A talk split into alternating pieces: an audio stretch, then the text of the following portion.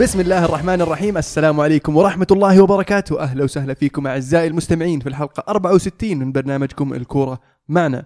الكورة معنا عبارة عن برنامج صوتي كروي أسبوعي نسولف فيه عن أحداث كرة القدم العالمية والمحلية.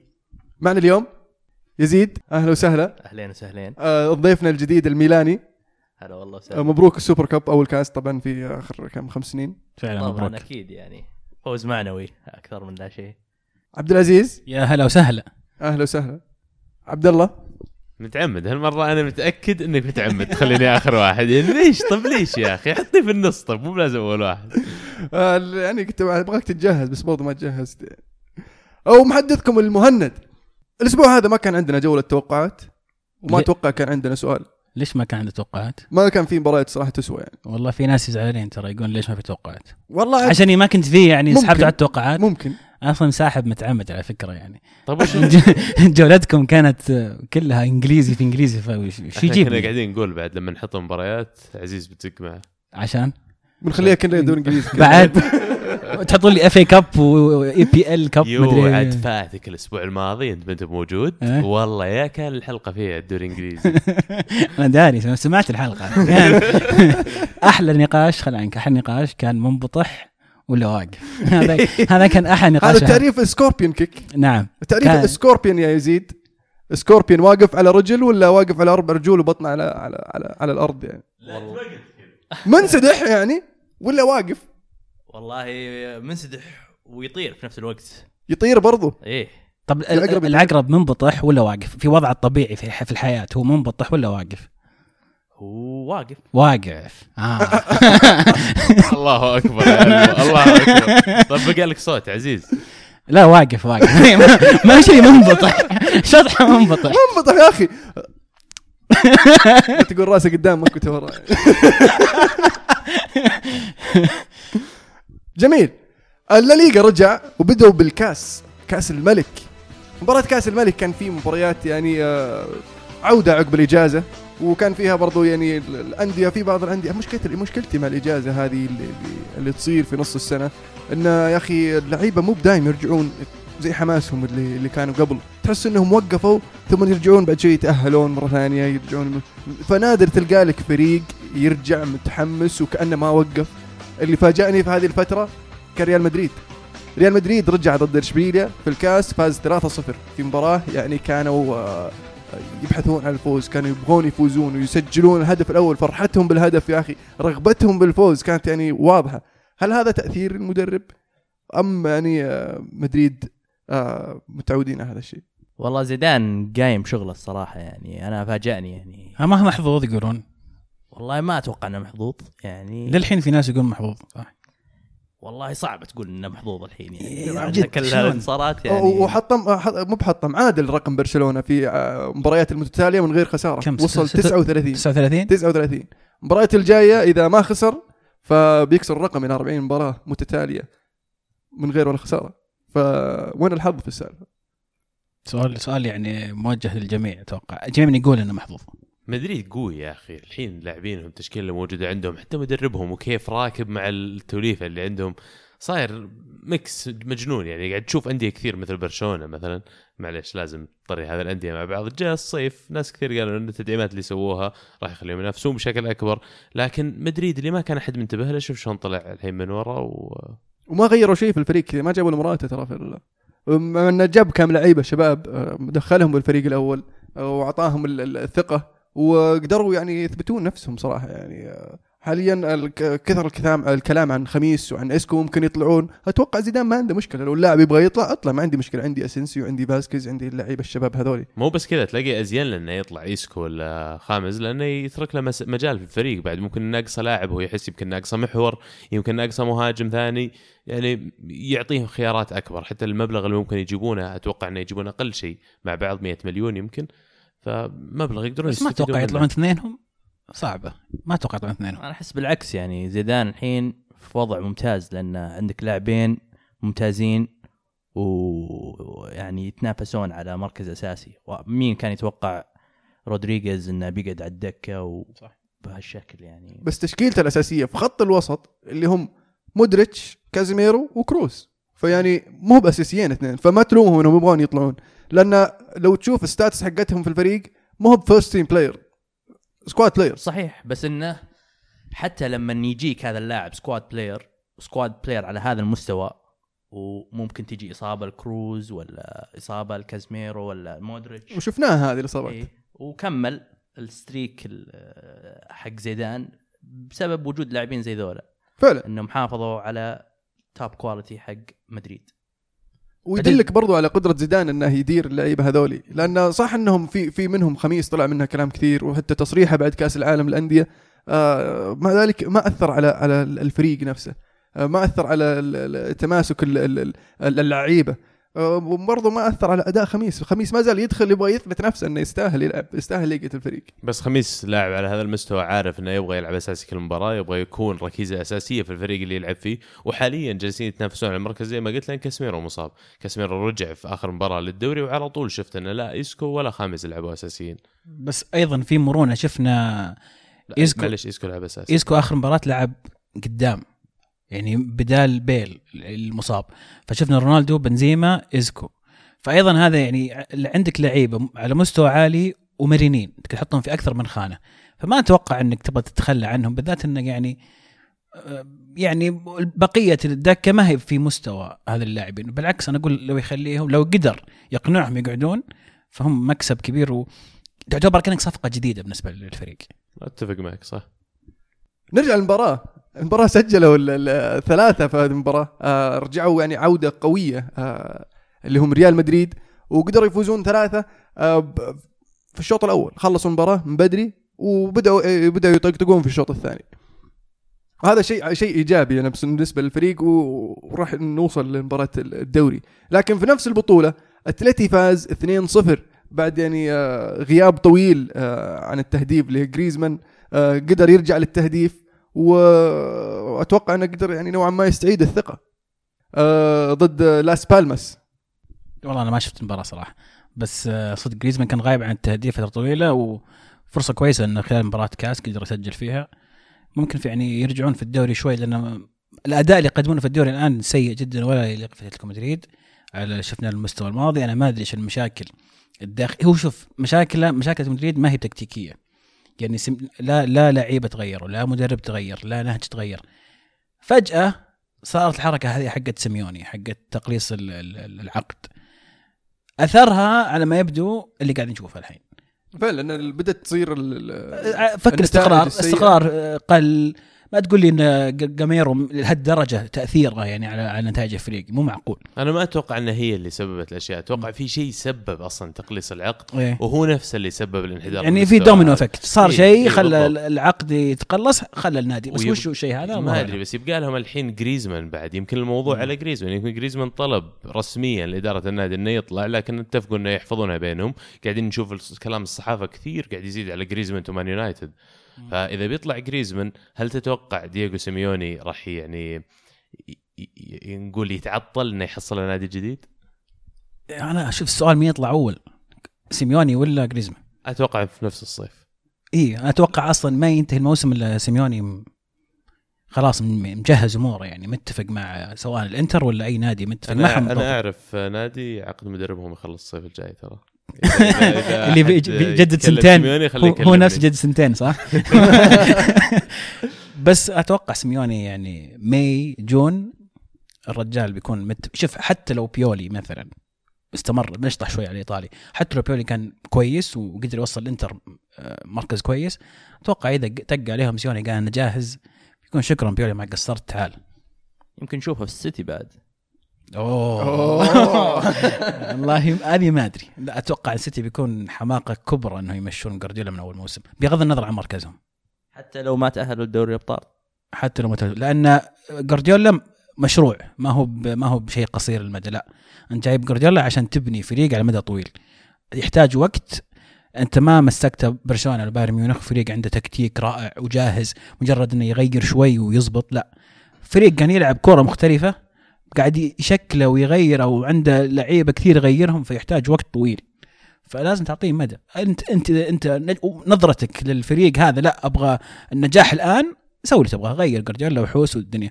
لكن إذا تف- تفكر أنت مدى طويل وتحاول إنك مثلا تخلي البنية الأساسية للنادي تتغير لا لازم تخلي جوارديولا على أربع خمس سنوات قدام. اسماعيل تشجع السيتي ترى مو أنا اللي قلت كذا. أنا وافق الرأي مو بإني ما وافقه بس يعني آه، جاي من واحد يشجع الدوري الإيطالي ما له دخل بالسالفه برشلونة. برشلونة خسر ضد بلباو في بلباو 2-1 في مباراة يعني طرد لاعبين من آه، بلباو ولكن آه، جمهور البرشا ولعيبة البرشا ما زالوا يشتكون من الحكم. لأن انظلم برشلونة في المباراة أيضا نعم. كان في ضرب أمتيتي كان في ضرب ظاهر. لا أمتيتي انضرب في بداية المباراة كان يستحق طرد عليها آه، ما كان غلطان رودي غارسيا هو اللي ضرب. ناسي والله منه. وأيضا في بلنتي واضح النيمار في المباراة. يعني من أوضح البلنتيات ما انحسب آه، لبرشلونة. يمكن برشلونة يشوفون إن في بلنتي إضافي يمكن البيكي ما أدري. لكن أيضا التحكيم كان كالعادة تحكيم إسباني تحكيم سيء. كويس إن آه، في الكاس في إسبانيا في مباراة عودة. مباراتهم العودة برضو في ال- الكامب نو فيقدرون يردون. مو بزي مباراة الكاس الإنجليزي إذا خلاص طلعت تطلع. لازم تتعادل عشان تلعب إياب. فعندهم فرصة يردون آه، على بلباو معلش. معلش بس أغبى قانون في التاريخ اللي تتعادل نعيد المباراة. yes أتفق معك. مع احترامي. خليها مباراة واحدة يا خليها مباراتين. لا تخليها مباراة وها يمكن يمكن لا. نوصل للدوري الإسباني. الدوري الإسباني بدأ على طول بعد الكاس. ريال مدريد فاز خمسة. هالمرة أمام غرناطة. آه كريستيانو رجع للمباراة ورجع للتهديف. آه إسكو سجل هدفين. كازيميرو اللي تو راجع من الإصابة قدر يسجل هدف برضه. كريم بنزيما اللي يشتكون منه المدريدية. صار له فترة قاعد ترى قاعد يهدف يعني و... وهاجدين مو قاعد يقولون يصنع ويصنع عطهم بس مباراة واحدة يضيع فرصة. يرجعون المدريدية بنزيما out إيش رأيك؟ أيوه شاهد المباراة أهم شيء فعلا عودة كاسميرو اللي يعني على الرغم إن مدريد قاعد يفوز ونتائجه مرة إيجابية وكويسة لكن عودة لاعب مثل هذا في فترة مثل نهاية ينا أو بداية ينا- يناير الآن الشامبيونز ليج الشهر الجاي بدأ الموسم يشتد بدأ يدخل الآن المباريات اللي هم فعلا محتاجين واحد مثل كاسميرو في الوسط. وشفنا اثر على لعب الفريق على طول تغيرت الخطة. ف عجبني الصراحة توظيفه لكاسميرو وعودته على طول رجع للتشكيل الأساسي. غرناطة طبعا فريق متواضع في ال- ال- المركز اللي قبل الأخير. آه، مباراة في البرنابيو. دفاعهم شخابيط كان في المباراة يعني صح مدريد قوي مرة بس يعني اللي شفته كان دفاع مدارس. شيء مرة مسخرة. فمباراة نسبية نوع سهلة نسبيا خلينا نقول. وقدر الريال يفوز بخمسة. فمبروك والريال ما زال في الصدارة. بس شيء واحد إسكو كان رائع في المباراة. هذه إسكو اللي كان كان لعب في ال- في الخانة ال- الهجوم. كان ممتاز صراحة. إضافة جميلة لل- للمدريد إن عندك القدرة إنك فجأة تلاعب يلعب في الوسط بعدين فجأة يلعب في الهجوم. فجأة يلعب ورا المهاجم. ورا المهاجم. طيب ورجع بيل إيش بتسوي؟ يرجع يغيب فلان يغيب إي- إي، يرجع دكه. إي ممكن ممكن. يرجع للدكه ممكن صح. بس إذا غاب فلان مثلا في الوسط مودريتش عندك إسكو. غاب بنزيما. حط رونالدو راس حربه لاعب اسكو. طب أنت ما عندك مراته طيب. عندك موراتا ما تعتقد. اللاعبين مه- محتاجين إنه يلعب مثلا week in إلا- week out عشان يوصل للمستوى هذا؟ الا إلا بس إذا أنت تقدر تقنعه يقعد ليش لا؟ خليك أناني. بس كمصلحة لاعب لا هو متضرر هو هو مضطر صح؟ 100% لا هو آه، هين اللاعب ضرر عليه أكيد. بس برضو فادهم فادهم اللعيبه هذولي انه كان في إصابات في خط وسط مدريد أعطاهم الفرصة أكثر إنه يلعبون أكثر من ما كانوا يتوقعون انهم بيلعبون هذا الموسم. صح. خاصة انه كان في يورو ترى. وكان موسم الريال الموسم الماضي طويل جدا. يعني وصلوا نهائي ال Champions League وكان محارب على الدوري إلى آخر جولة وبعدين آه، ك- في كأس عالم. فيعني يحتاج ال- ال- ال- الفريق هذا يكون آه، آه، جاهز على طول الموسم. سواء من الأساسيين أو الاحتياط. في نفس الوقت أتلتي ترى وبرشلونة مزبلين هالموسم فيعني يمكن ما تحتاج لهالدرجة depth عشان تنافسهم ترى. أتوقع اللي نكب آه، برشلونة وأتلتي انه ما عندهم ال- ال- الدكة زي زي ريال مدريد. يعني برشلونة أنا توقعت بداية الموسم انه آه، مع الدكة اللي اللي أضافوها اللعيبة اللي أضافوها في في في, في الصيف راح تفيدهم كثير لأن إيش؟ بيقدر يدور لكن آه أنريكي ما كان يدور. كان يلعب نفس الفريق نفس الفريق نفس الفريق ثم تجي مباراة يغير تسع لعيبة ثم يخسر عرفت؟ ثم يلعب نفس الفريق نفس الفريق نفس الفريق ثم يجي مباراة لا مو بكذا تدور يعني لازم تلعب هذا مرة تلعب هذا عشان لازم التدوير يكون ما فيه آه ما يخل آه ما, ما يسوي خلل. اي ما ما يسوي خلل في الانسجام. بالضبط آه وبشوي شوي تلعب تعود اللاعب على الفريق على اللعب الفريق على اللعب زملاء الجداد يا أخي تو جاي يا أخي على طول حطيت أساسي في المباراة هذه وجنبه واحد جديد بعد تو جاي وبوسكيتس بس اللي ماسك الوسط ثم يقولون بوسكيتس جايب العيد الموسم. يا أخي يعني محمل أنت الوسط كله. وحتى خياراته في الملعب يا أخي. لويس إنريكي كنا نتكلم عنه من الموسم الماضي. يقول إنه مو عاجبنا كمدرب ويمكن آه، بينكشف قريب. وفعلا أول ما خلينا نقول الثلاثي الهجومي لويس سواريز قلت خطورته نوعا ما. أنا أشوف نيمار آخر مباراة كان تعبان. آه، ما كان في إلا ميسي المباراة الماضية. ف على طاري المباراة الماضية. تعادلوا مع فياريال برشلونة واحد واحد خارج الديار. كانت في المباراة في آه، ملعب فياريال آه، فياريال قدروا يسجلون هدف من هجمة مرتدة. هجمة مرتدة الطريقة كيف بدأت الهجمة مرتدة أصلا مو من عادات برشلونة تجي هجمة مرتدة زي كذا. لأن طريقة كيف خسروا ال- ال- الكورة في في حالة الهجومية أصلا كان أتوقع ديني الظهير اليسار. آه، بيعرضها بس آه، ما أدري من أنا قاعد أشوف المباراة ما أدري مين اللي كان بيعرضها له بالضبط. ظهر أولها هو ما بعد رفع رأسه. لقطها ال- ال- ال- الفياريالي وسوى هجمة مرتدة. طق طق طق صاروا ثلاثة ضد ثلاثة. ثلاثة ضد خمسة ترى. الاظهر كانوا موجودين بعد. لا آه، نيمار رجع يغطي. نيمار حاول. يرجع يغطي بس ما لحق. كان كان في نص مكان الملعب. مين؟ ديني اللي نص- نكب إيه نص الملعب كان في اثنين برشلونيين وثلاثة فيارياليين مقبلين. بعدين لحقوهم الثلاثة البرشلونيين الزيادة. بس قدنا خلاص فات الأوان. يعني المناولة حتى حقت آه، الحطة حلوة. اي المناوله حلوة. لا. الأسيست المناولة الأخيرة قبل إيه. الهدف. كان يا أخي مسكران يا أخي مد رجلك ما مداك عليها. طيب يوم قبل ما يشوت هذا مد رجلك مرة ثانية. وش قاعد تتفرج؟ وش تحتري؟ والزاوية صعبة. ومرت منهم كلهم حطة في الزاوية البعيدة آه. يعني أرضية. فأتوقع لخمهم سانسوني في الجول فعلا. ف ال- ال- ال- لكن الهدف التعادل. هدف ميسي.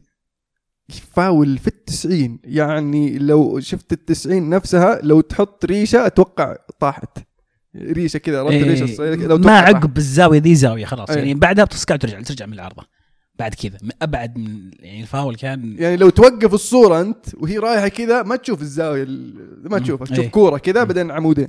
فيعني الدقة يعني في التصويب ما شاء الله. زاويه زاوية الحارس هذه هي إيه الحارس الخمة. لو تلاحظ في في الفاول صفة الدفاع صفة الحيطة. بوسكيتس كان واقف على اليمين. قبل ما يشوت ميسي وخر بوسكيتس كذا. يوم وخر كذا تشوف أنت جايبين الكاميرا من ورا. يوم وخر بوسكيتس تشوف الحارس راح يسار. ما درى الكره راح يمين يمين الحارس فأنقذهم ميسي في الدقيقة 90 حفظ ماء الوجه لكن برشلونة يعني مستويات سيئة. أنا ما هم ما زالوا يشتكون من الحكام. الحكام صح إنه كان في آه، بلنتي لبرشلونة لكن كان في بلنتي برضو لفياريال. آه، بلنتي كان يعني برشلونة خلينا نقول بلنتي يعني برشلونة. وبلنتي فيريا اي أنت تكلمت عن الطق اللي صار على إيش؟ آه، أومتيتي. إيه. في مباراة أي. الكاس. مم. في هذه المباراة يعني سواريز تدخل الحارس تدخل ما له داعي. ناط الحارس بيمسك الكورة هذا بيطقها براسه ثم فجأة يده راحت الوجه الحارس ثم رجعت فوق. يعني تعرف اللي على راسه بطحة؟ يعني أنت لو ما لمست الحارس أصلا لو ما مديت يدك كان ما صار في أي احتكاك. بعدين رفع يدين ترى ما سويت شيء الحارس قام يتلوى. فيعني تغاضى عنها الحكم خلينا نقول ما شافها كان في لمسات ثلاث لمسات يد في المباراة هذه. كلها المفروض تكون بلنتي يعني ما أدري الحكم إيش قاعد يسوي صراحة بس التحكيم الأسباني بشكل عام نرجع نقول يعني تحكيم سعودي تقريبا. فعلا التحكيم, التحكيم. في اسبانيا يحدد من يفوز بالدوري. شفنا التحكيم قديش كان مع برشلونة الموسم الماضي فازوا بالدوري. الموسم هذا ما أقدر أقول إنهم ضد برشلونة بس إنهم مو مع برشلونة زي ما هم مع برشلونة الموسم الماضي. دائما تقسو عليهم يا أخي. على مين؟ لا مو بمع أنا أقول مع است- إيه. افاد أو يعني كان في مصلحة. مو بمع مع كأنهم يعني نازلين الحكام بيفوزون برشلونة. والله يعني. شوف شوف شوف بغض النظر عن عن تأثير التحكيم المباراه يا أخي آه، ميسي ميسي ميسي ميسي لما غاب الجميع ظهر ميسي. يعني. هو الوحيد اللي إيه مو فعلاً. بس الهدف ضرب العارضة آم، هجماته كلها تقريبا كانت خطيرة. لما كانوا اللي حوله في الهجوم قاعدين خلينا نقول يخفقون في مهامهم في صناعة اللعب في توصيل الكرة قدام مرمى حتى في ال finish. نيمار وين راح يا عيال؟ 11 مباراة مو بعارف يسجل. بس إنه كان كويس. حتى مباراة بلباو كان أخطر واحد. يشتغل يركض ويحاول بس إنه مو بضابطة معه يعني سوء حظ. لكن أنا ودي أتكلم عن إنريكي شوي. قبل ما نتكلم عن إنريكي خلنا على نيمار. فهذه المباراة جته كم فرصة؟ عرفت؟ تسديد عنده تسديدة حلوة. جته كم فرصة قدام إيه. المره كان ممكن إنه آه، يعرضها أو يحطها في المرمى صح بس إنه يشوتها بالحارس. لما هذه-. لما, هذه- لما تقفل معك لك, لك 975 دقيقة ما سجلت إيه. تبي تسجل أي شيء خلاص. أيوه فلما تبغى تسجل أي شيء ما تعطيها الحارس امزعها وجه الحارس. خلي الحارس يوخر عنها. هاي مقولة سير أليكس. يعني لما تصير أنت يعني when you're in a drought امزع just hit it. سدد عاد ما بعد سر أليكس أحد يعني. طيب آه إنريكي يا عيال إنريكي قاعد يعيد نفس الأغلاط من بداية الموسم مو قاعد يغير شيء. كيف صابرين عليه؟ أنا هذا السؤال أنا مو صابرين أوه، ما؟ ما تقدر تشيله أنت الآن. صعب إنك تشيله في وسط الموسم هذا اولا. لكن أنا مشكلتي مع الاختيارات والتغييرات اللي يكررها. قبل شوي ألمو تكلم عن ال turnover حق ال- ال- الخ- الاختراعي اللي يسويه. يعني فجأة ينزل تسع لعيبه جداد فجأة يرجع تشكيله أساسية. الشيء الثاني حركة بوسكيتس وجنبه جوميز ما زال مقتنع إن جوميز يلعب في هذه الخانة وأنا أشوف إن جوميز ما يصلح بوسكيتس. مكان بوسكيتس أو ما يلعب. عندك خيارات حلوة في في الدكه بعدين آه، موضوع راكيتيتش هذا موضوع ثاني. أنا ما أدري وش صاير بينهم. ما أدري ليش زعلان عليه وشايله من التشكيله كلها. لكن هذا برضو شيء غريب قد يلام عليه هو أو قد تلام الإدارة ما أدري. لكن تغييراته تبدي يعني حتى يوم جاي يبدل ما سوى شيء. طلع جوميز ودخل دينيس سواريز. خانة بخانة. طيب وين الإضافة الهجومية؟ وين ال وين ال وين ال يعني وين الفكرة؟ بعدين بعدها بدقيقتين طلع ديني ودخل أردا توران. وبس. التبديل الثالث ما في تبديل ثالث. طيب طب انت قاعد إيش تبي تفوز انت إيش تبي يعني؟ تبي تتعادل؟ ما طب انت خسران 1-0 ترى. عندك آه، ابو 40 مليون ذا شو اسمه؟ الكاسير. نزلة. إيش قاعد تسوي ليه؟ يعني أشياء صعب أي أحد يفسرها لي أو يقنعني فيها. فعلا أنا قريت آه، مقولة واحد يقول إن اللي قاعد يسويها الحين آه، أنريكي نفس اللي قاعد يسويه ريكارد مع برشلونة عام 2008 آه، فريقه كويس وحقق الإنجاز لكن وصل لمرحلة إنه مو بقادر يضيف شيء. مو بقادر إنه آه، يطور من الفريق. خلاص وقف. فأشوف إنه حان حان وقت التبديل.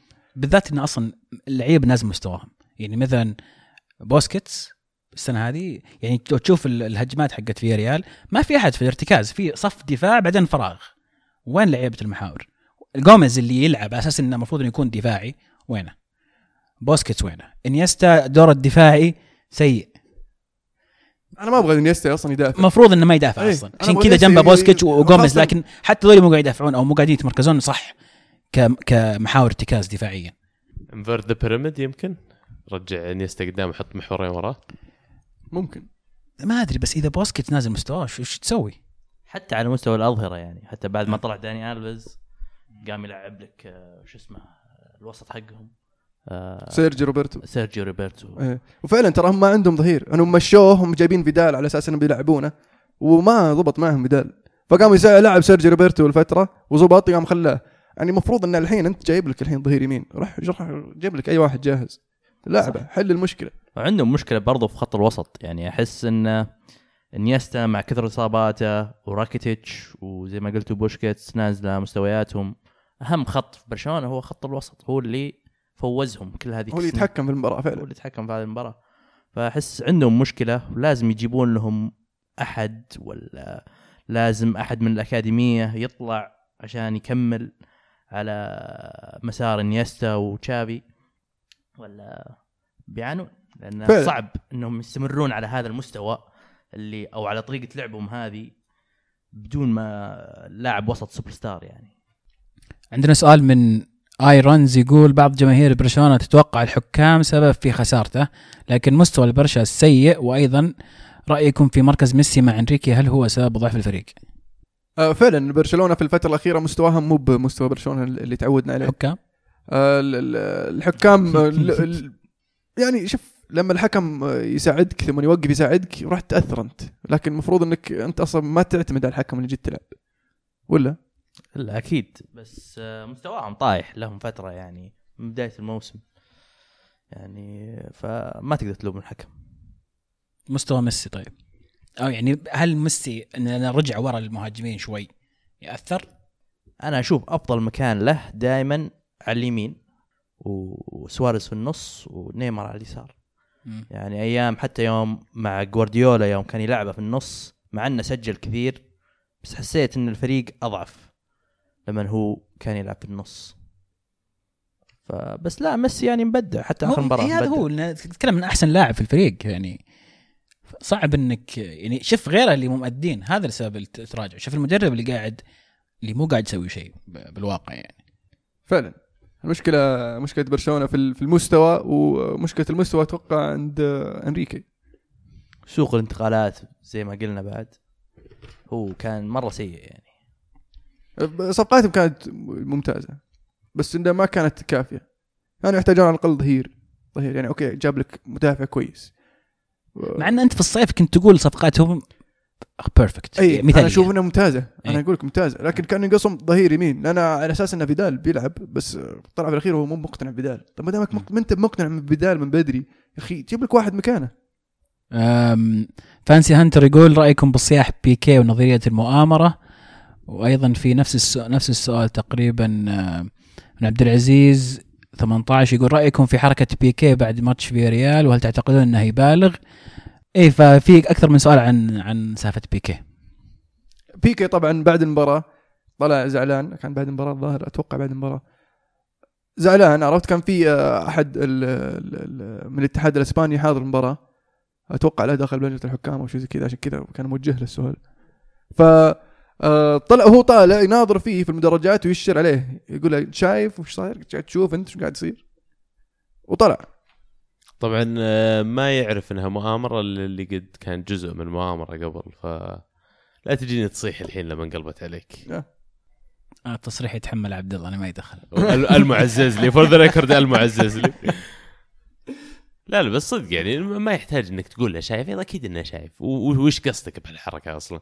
ما سوى شيء ممكن يفيده بالعكس إذا هو شيء بيزيد الضغط عليه بيزيد الضغط على برشلونة معناته إنه هو فكرة مو على الملعب أنا لو إني أشجع نادي مثلا وبدوا لاعبين يشطحون على أشياء أوه الحكام ضدنا الإدارة ضدنا والله لجنة التحكيم ولا الاتحاد ضدنا ما ما همني يا أخي. أنت انزل الملعب ال- همك الملعب. رئيس الحكام أصلا يشجع الهلال يشجع من برشلونه آه، وشجع مدريد. قفطناك هذه هذه هذه رسالة للي هناك؟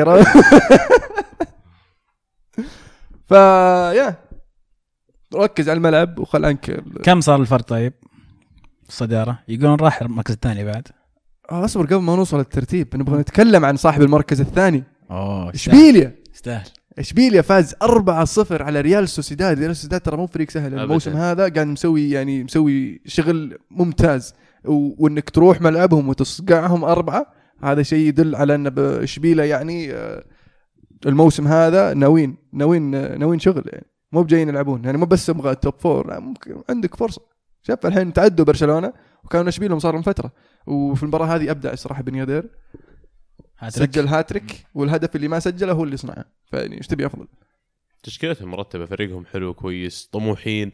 وأتوقع المودلز اللي قاعدين نشوفها الأندية الثانية زي ليستر وغيرها اللي قاعدين يشطحون وهم صغار في أندية كبيرة في, دوريات كبيرة آه قاعدين يأخذون صفحة من كتابهم. يعني ليش أنا اشبيليا ما أقدر اصير مركز ثاني ولا أنافس على الدوري حتى؟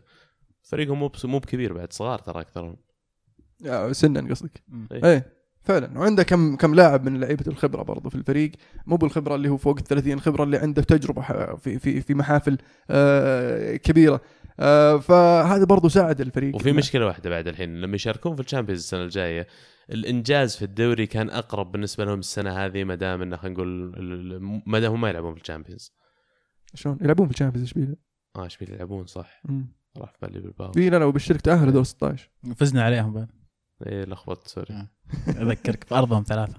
فهذا بالعكس هذا هذا يدل على على على- جدية اشبيليا هذا الموسم. أنه مشارك في ال Champions آه، وتأهل ومع ذلك لسه قاعد ينافس على الدوري. آه، مو بزي توتنهام مثلا يعني. اللي كان كان كان مأثر عليه ال Europa League الموسم اللي راح وخسر الدوري ليستر زي آه، أرسنال اللي كان ما يبغى يتخلص من ال Champions League عشان يركز على الدوري وما قدر يتعدى ليستر. نفس الشيء الحين يعني آه، آه، شو اسمه؟ اشبيليا هل تشوف. لاعبينهم طب يقدرون يحتفظون فيهم الموسم الجاي؟ هل في لاعب خلينا نقول بيكثر الطلب عليه الصيف الجاي؟ إنزونزي. إنزونزي. الحين. زونزي طبعاً. في فيتولو. في عندهم كم لاعب كويس؟ طلع منهم كم من لاعب كويس برضو. إيه. تغير مدرب. غيروا كثير. يعني الفريق ولسه- لعيبه ومدرب صح؟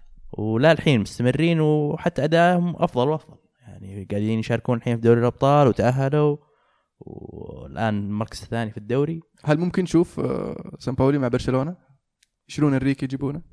ليش كل ما أحد خلعها مع نادي عطوا تودونا خلوه خلوه. لا لا حركات برشلونة هم. عاد يحبون فالنسيا واشبيليا هم على طاري فالنسيا وش سالفة؟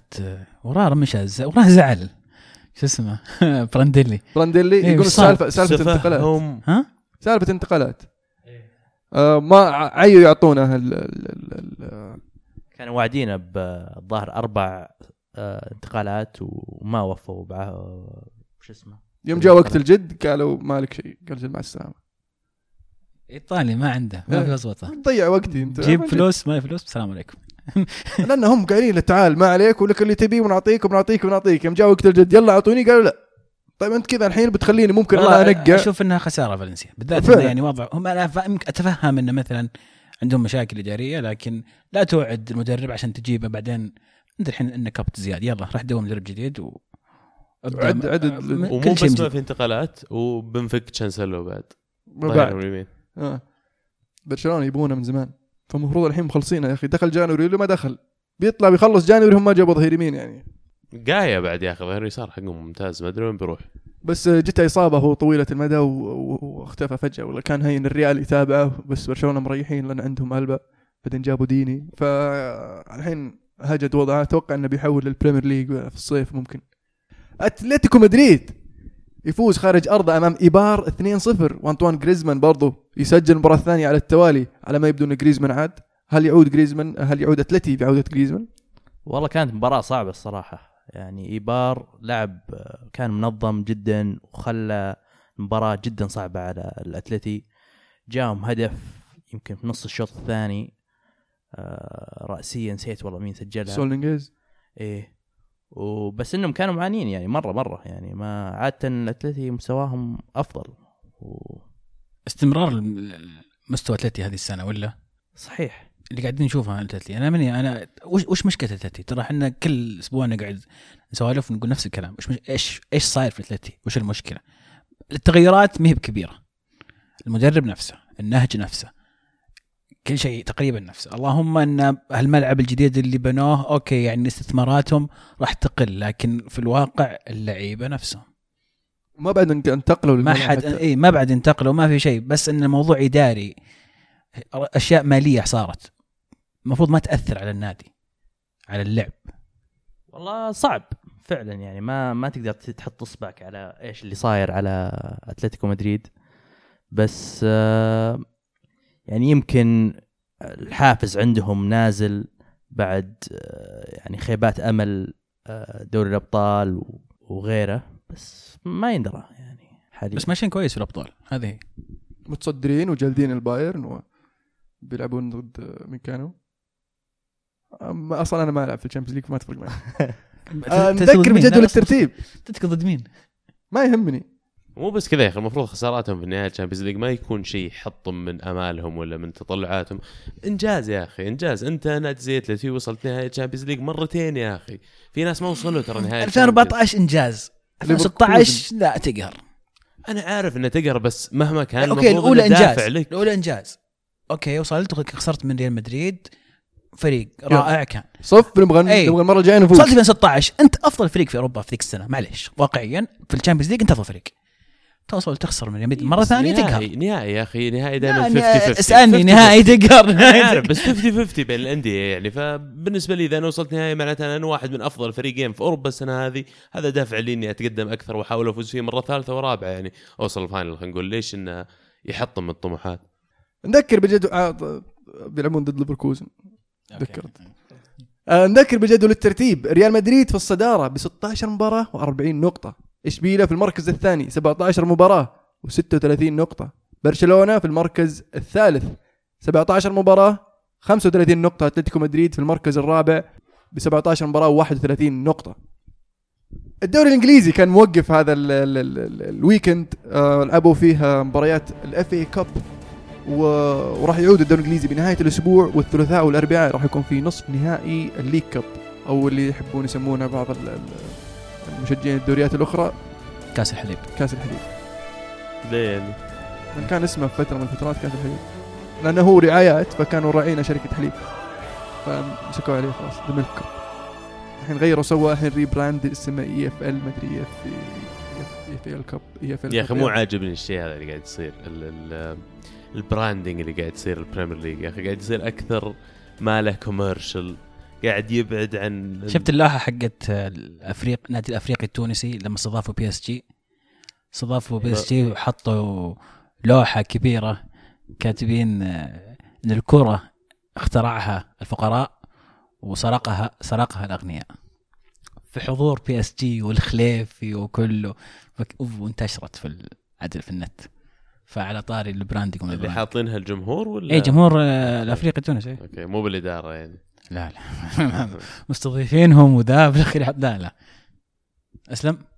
آه في أهم نتائج ال FA Cup مانشستر سيتي فاز 5-0 على ويست هام على ما يبدو سيتي بدأ يرجع لمستواه لكن ويست هام يعني الفترة الأخيرة ليس مقياس. مو يرجع يتذبذب السيتي ما زال يتذبذب يفوز 5 4 بعدين يخسر الأسبوع الجاي 2 0 والله إن شاء بعدين يتعادل بعدين يفوز أربعة ولا يخسر أربعة ما تدري.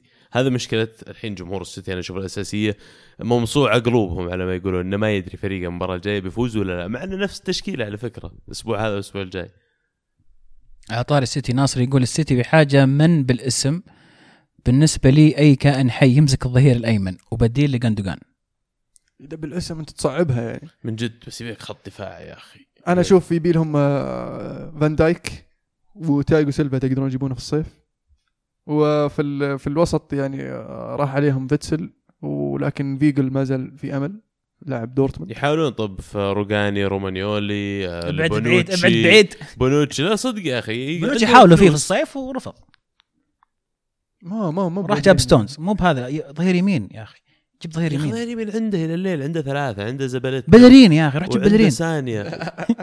بلرين هي بيري لو بيطلع بيروح برشلونة مو برايح السيتي.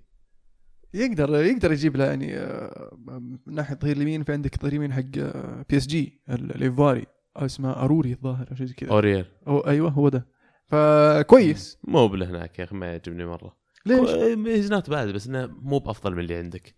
مو بافضل من اللي عندك. تبغى واحد يا upgrade يا ما بشاري. معليش هذا اللاعب صغير هذا اللاعب. صغير بس أنت اللي عندك كلهم فوق ال 30 عمره- ثانية عمره وزباليتا 24 25 طيب أوريال. 24 25 هذا يعطيك خمس سنين قدام. مو بخم... طيب سبع سنين أروح قدام. أشيل شانسلو يا أخي حق فالنسيا. أجي أحاول في بيليرين مع أرسنال. أجي أروح في خيارات كثيرة حاول أفضل في. بايرين كرشوهم أرسنال وبيليرين فيعني خلاص راح شوف غيره. لا تقعد تضيع وقتك مع واحد ما يبيك. شوف عندك خيارات. يعني ها شوف أعطيناك ثلاث أسماء. ظهير يمين. ولا؟ إيه. إيه.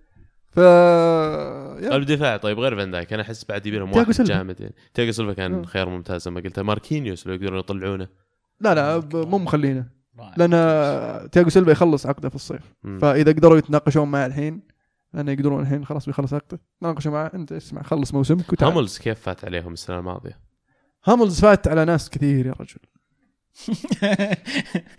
قال هو يتنفس بحرقه زي كذا. اليونايتد يفوز على الريدنج 4-0 في مباراة يعني شهدت عودة الأسطورة ياب ستام إلى الأولد ترافورد. آه و- وأكرموهم الشباب بأربع أهداف. ماركوس راشفورد عاد للتهديف. روني سجل هدف وعادل آه بوبي تشارلتون وأخيرا الهدف اللي يجي. بصدارة هدافين مانشستر يونايتد في التاريخ ب 249 هدف. فبقي له هدف ويكسر الرقم. طبعا مبروك بعد مارتيال صار على بعد هدفين يقولون بس إنكم تدفعون 10 مليون يورو. لموناكو والله آه، يعني لعب أنا عليك. أشوف إنهم يستاهلون صراحة يستاهلون. الولد فنان الله الله وأنا مبسوط عليه جدا طبعا كويس. آم، من ال Football Leaks ما أدري إذا سمعتوا عنها اللي صارت اللي هي التسريبات اللي صارت في عالم كرة القدم كثير من العقود انذاعت كثير من آه، قيمة الانتقالات كمان طلعت فيها فمن أحد الأشياء اللي يقولونها عن عقد مارتيال بالذات 10 مليون هذه الأولى اللي تكلمنا عنها في 10 مليون ثانية إذا لعب 10 مباريات دولية زيادة أو 15 مباراة دولية وفي 10 مليون ثالثة إذا طلع في ال top 3 في لستة البالون دور خلال العشر خلال قعدته مع مانشستر يونايتد. في مبلغ إذا فاز برضو. زيادة عليهم. إذا فاز بالبالون دور إيه. آه. فيقول لك تكلفته ممكن توصل أكثر من شيء و90 مليون وكمان لو بعتوه بأكثر من 60 مليون راح تعطونهم جزء من مبلغ الصفقة. اللي. اللي يزيد عن 60 مليون. آه، سعود يقول هل مواجهة مانشستر وليفربول ممكن تحدد كثير من ملامح مراكز الفريقين وتؤثر عليهم مستقبلا سواء سلبا أو ايجابا؟ أكيد يعني المباراة بحد ذاتها أصلا آه، كلاسيكو. ديربي آه، شمال غرب إنجلترا. متى المباراة؟ آه، يوم الأحد الجاي إن شاء إيش رأيك تسوي لها تقديم في سناب شات يوم الجمعة؟ الله. ليش لا؟ خلاص. ممكن. ثبتها على البودكاست عشان إيش؟ ما يتهرب الموضوع ترقبوا تغطية ال- نبغى تاريخية كذا عن تاريخ العداوة بينهم و... ليش وصار وقصه فيرجسون مع 18 وعلمونا إذا جبتوا إيه كذا كذا كاملة. بالعودة للحديث عن السؤال أنا أتوقع إنه لا يا أخي ما راح تصير لها ذاك التأثير خلينا نقول كبير مرة. هي مباراة ست نقاط صح لأن اثنينهم يتنافسون على خلينا نقول مراكز ال Champions League مبدئيا. لكن ليفربول الآن وضعهم أفضل وبعدين ما راح يهم. تجي المباراة اللي بعدها والمباراة اللي بعدها والمباراة اللي بعدها. بتصير هذه بس ثلاث نقاط. حققتها ولا ضاعت عليك؟ آه لكن بحكم إنها ديربي مباراة زي كذا وفي في آه في وقت زي هذا الحين آه آه، الليفر تعثر المباراة اللي راحت بتعادله مع ساندرلاند. ال- اليونايتد آه قرب. فسواء إذا إذا اليونايتد فاز أو ليفربول فاز راح يتأثر راح يتأثر الفريقين معنويا. سواء بالارتفاع المعنويات أنه فاز على في الديربي في مباراة كبيرة زي كذا في وقت منافس وقت يعني حرج يحتاج ال- ال- الثلاث نقاط خاصة عقب المباراة الأولى اللي انتهت صفر صفر بطريقة يعني آه، because مورينيو. وأشوف إنها يعني راح تكون مباراة لها دورها صراحة في تحديد آه، حتى ال top four أحس إنها أهم لليونايتد من ليفربول الثلاث نقاط. لأن في ضغط أكثر تحس على اليونايتد إنهم يتأهلون دوري الأبطال بعد هالصرف وعلى مورينيو بعد هالفشل مع تشيلسي الموسم الماضي. وحتى في مستوياته في المباريات الكبيرة ما كانت ذاك اللي مرة. فيحتاج يفوز على ليفربول عشان يرضي الجماهير و... فعلا أتفق معك. آه، اللي راح يزيد الضغوط طبعا على ال- ال- اليونايتد ومورينيو واللعيبة. المباراة راح تكون في الأولد ترافورد. الليفر أفضل فريق قد قدام ال top 6 آه، اليونايتد آه، يعتبر ال- الاسوء آه، عندنا فوز واحد وتعادلين وخسارتين من خمس مباريات ضد ال- ال- الخمسة اللي فوقنا. ففعلا هذا وقت الحين لازم تبدأ ترد. بس آه، كان تجي عندك أثرة؟ جيد يعني اليونايتد اليونايتد الآن في حالة ممتازة. قاعد يفوز تحس المعنويات مرتفعة الضغوطات نازلة شوية على مورينيو تحس الأوضاع عادت زي أتفق. معك أتفق معك. لكن عادت متى؟ في الفترة اللي راحت هذه كلها ترى كل مبارياتنا كانت نسبيا سهلة. كلها قاعدين نلعب مع الفريق اللي تحتنا ما لعبنا إلا مباراة واحدة مع توتنهام. وفزنا عليهم 1-0 وكانت هي المباراة اللي بدأت تحول النظام. لأن كان كان كنا نسجل هدف ثم يجينا فينا هدف آخر دقائق. نسجل هدف يجي فينا آخر هدف آخر دقائق. في مباراة توتنهام سجلنا هدف وقدرنا نحافظ عليه. بعدين من عقب أصلا نقدر نسجل اثنين نقدر نسجل أربع مباريات نقدر نسجل فكانت نقطة تحول مباراه توتنهام. فالمباراة هذه آه، مو أتوقع أنه يكون فيها يعني twist. أرسنال فاز 2-1 خارج أرضه أمام بريستون نورث إند. كان اللي متأخر. قبلها وش صار؟ قبل ما يفوز 2-1 هو كان في مباراة قبلها بعد صح؟ هذيك مباراة أحلى أنا أحس. مباراة بورنموث. اي اي ما أتكلم مباراة بورنموث. مباراة بورموث كانوا خسرانين يا أخي 3-0 اي بعدين وش صار؟ 70 دقيقة 70 دقيقة 70 حلو. آه، بعدين ظهر فريق ظهر تروح إيش؟ البطل. أيوه إيه. جاجرو سوى اسيست الأول. جاجرو طبعاً سوى الاسيست يدري، عبد الثاني. الله قاعد يعطي نظرات الآن. جاجرو جاب الهدف الثالث. وخلاص. دقيقة وبدأت 90 احتفالات. ورقام راح يحتفل بطريقة البايرلينا زي هدفه عرفت؟ طريقة العقرب. لا. إيش العقرب؟ طريقة العقرب ما ينطنط كذا شوف، واحدة آه شوف طريقة هذا السؤال بيرلينا. ثاني الحين العقرب ينط ولا ما ينط؟ ما ينط برجل. واحدة لا ينط. العقرب ينط. بس ما ينط برجل واحدة ورافع الرجل الثاني. صح؟ آه يزيد؟ افصلنا بس آه، لا فعلا المباراة هذيك إحنا دائما نحط أنفسنا تحت الضغط. ما نبدا نلعب لين نصير تحت الضغط. هذا شيء ما يعجبني فينا. قد يكون بسبب إنه مدربنا خلينا نقول عمره كبير يصير في فرق كبير بينه وبين اللاعبين ما يعرف يحمسهم ما يعرف خلينا نقول إنه شلون يعطيهم ال motivation إنهم يصيرون ال killer instinct أو ال- ال- القريحه القاتله مثل ما يقولون. آه بس يا أخي يا أخي وش شعورك أنت؟ جبت التعادل في الدقيقة 90 ويجي لاعبك يروح يحتفل. الاحتفال هذا وباقي اللعيبة الأوكس ماسك الكورة وراح يركض. سانشيز يزعق له من هناك ومونريال يقول له هيه! ما بعد تخلص المباراة ارجع! هذا قاعد يركض ويروح يتله من فنيلته ارجع! وجابرييل يوم ما قدر. يسحبه قام دخل في الجمهور يحتفل معه. هو رقصة رقصة ال ballerina ذي أتوقع هو مسويها مسويها. أنا يعني هو جاي نازل مباراة قال أنا بسجل هدف بسوي الرقصة ذي. فايزين خسر لو 4 0 يعربج- واجيب يعربج. وأجيب واحد بسوي الرقصة ذي. بسويها بسويها. فطز في البقية يعني. لكن هو. مستواه كويس جيرو بس ال- ال- العقلية يعني للأسف هذه مشكلة أرسنال ترى. العقلية هذه إنك أنت ترضى تعادل لا. المفروض إن الجميع يكون لا أنا أفوز. مو بترضى تعاد هذا واحد راح على قولتك حاطه في راسه بيرقص. إيه بس هو جابرييل اللي معه إيش قاعد يسوي؟ لا والله صدق رجع شوف اللقطة جابرييل كان قاعد يحاول يسحبه. يوم حس إنه ما في فائده وشاف الجمهور كذا دخل في الجمهور جول! تحمس طيب سؤال المعتاد من جونر. يقول أفضل مدرب ممكن يخلف أرسن فينجر؟ يا أخي دائما أسأل نفسي السؤال هذا ووصلت للقناعة انه لازم المدرب اللي يمسك بعد أرسن فنجر يكون اسم رنان. لازم واحد كبير لازم accomplished فاز ببطولات. مو فاز مرة واحدة ولا مرتين لازم وصل وصل نهائيات كثير أنت قاعد كثير. توصف مورينيو. تبون تاخذونه؟ لا شكرا. لا لا. ولازم ما. يكون مورينيو أنت ما خليتني اكمل فيعني ممكن دي دييغو سيميوني أنا ودي إني أشوفه لكن دييغو سيميوني يمكن risk أكثر. أليجري قاعدين يتكلمون عنه أنا مرة ودي أشوف أليجري يجينا لو إنه أحد الخيارات الإيطالية South American لأنه يصيرون يا أخي عندهم هذا ال edge في الكورة. فاهمين الكورة زين فاهمين كيف تفوز. شوي الوساخة في كرة القدم عارفينها كمان. فهذا الشيء اللي. ينقصنا. خبث مو وساخة خبث طيب. سامباولي ممكن مو بغلط ترى.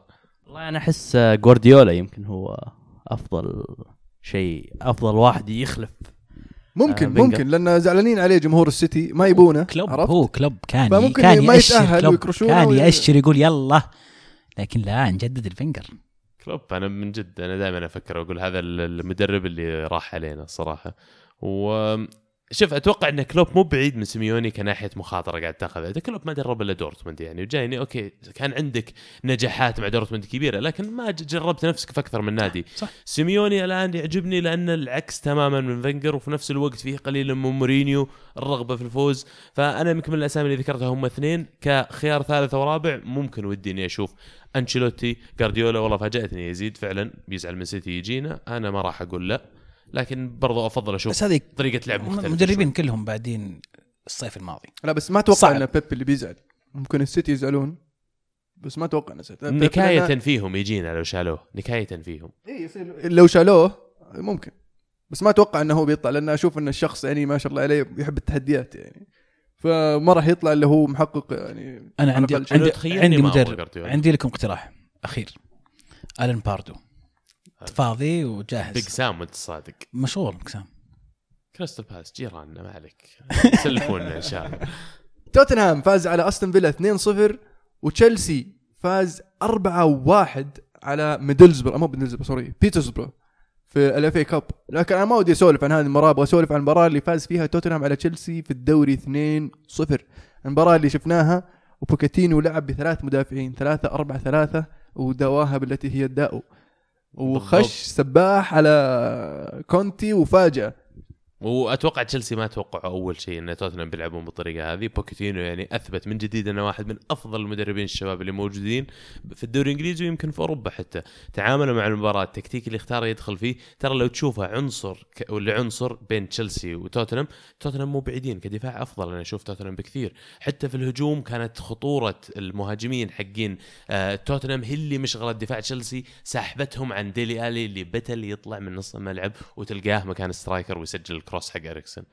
يعني شيء مو معقول كيف الهدفين نسخه كربونية من بعد. فعلا. وتشوفه قاعد واقف هناك اللي اللي عجبني أنا في الهدفين التمركز التمركز ديلي علي وداني روز.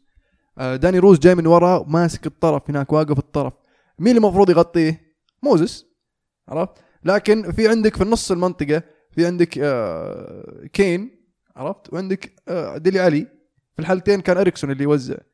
شفت شلون؟ هذول الاثنين لاهين هذول قلوب الدفاع واسبليكويتا هو اللي قاعد يحاول يغطي آه، ديلي علي موزس كان ضايع ما يدري هو يروح يغطي الظهير ولا يغطي إيه ولا يغطي ذا. فكان واقف في النص في مساحة كبيرة بين موزس وروز وموزس وديلي علي ف علخم المدافع آه، موزس لأنه مو بمدافع أصلا. ثاني شيء إنه آه، استغلها بالكرات العالية بالنسبة ل اسبلكوتا اسبلكوتا ما هو من ميزات ال- الكرات العالية مع إنه كويس فيها يعني يمشي الحال لكن في هذه المباراة أنكشف. ملاحظتك جيدة مرة فعلا أظهرت توتنهام لعبت دور كبير في الفوز مع إنهم ما سجلوا ما سووا assist لكن وجوده بس تمركزه. وين واقف في الملعب؟ نسف مخططات تشيلسي الدفاعية كلها. وتشيلسي أخيرا أول خسارة ما قدروا يكسرون رقمنا في موسم واحد. انبسطت يعني.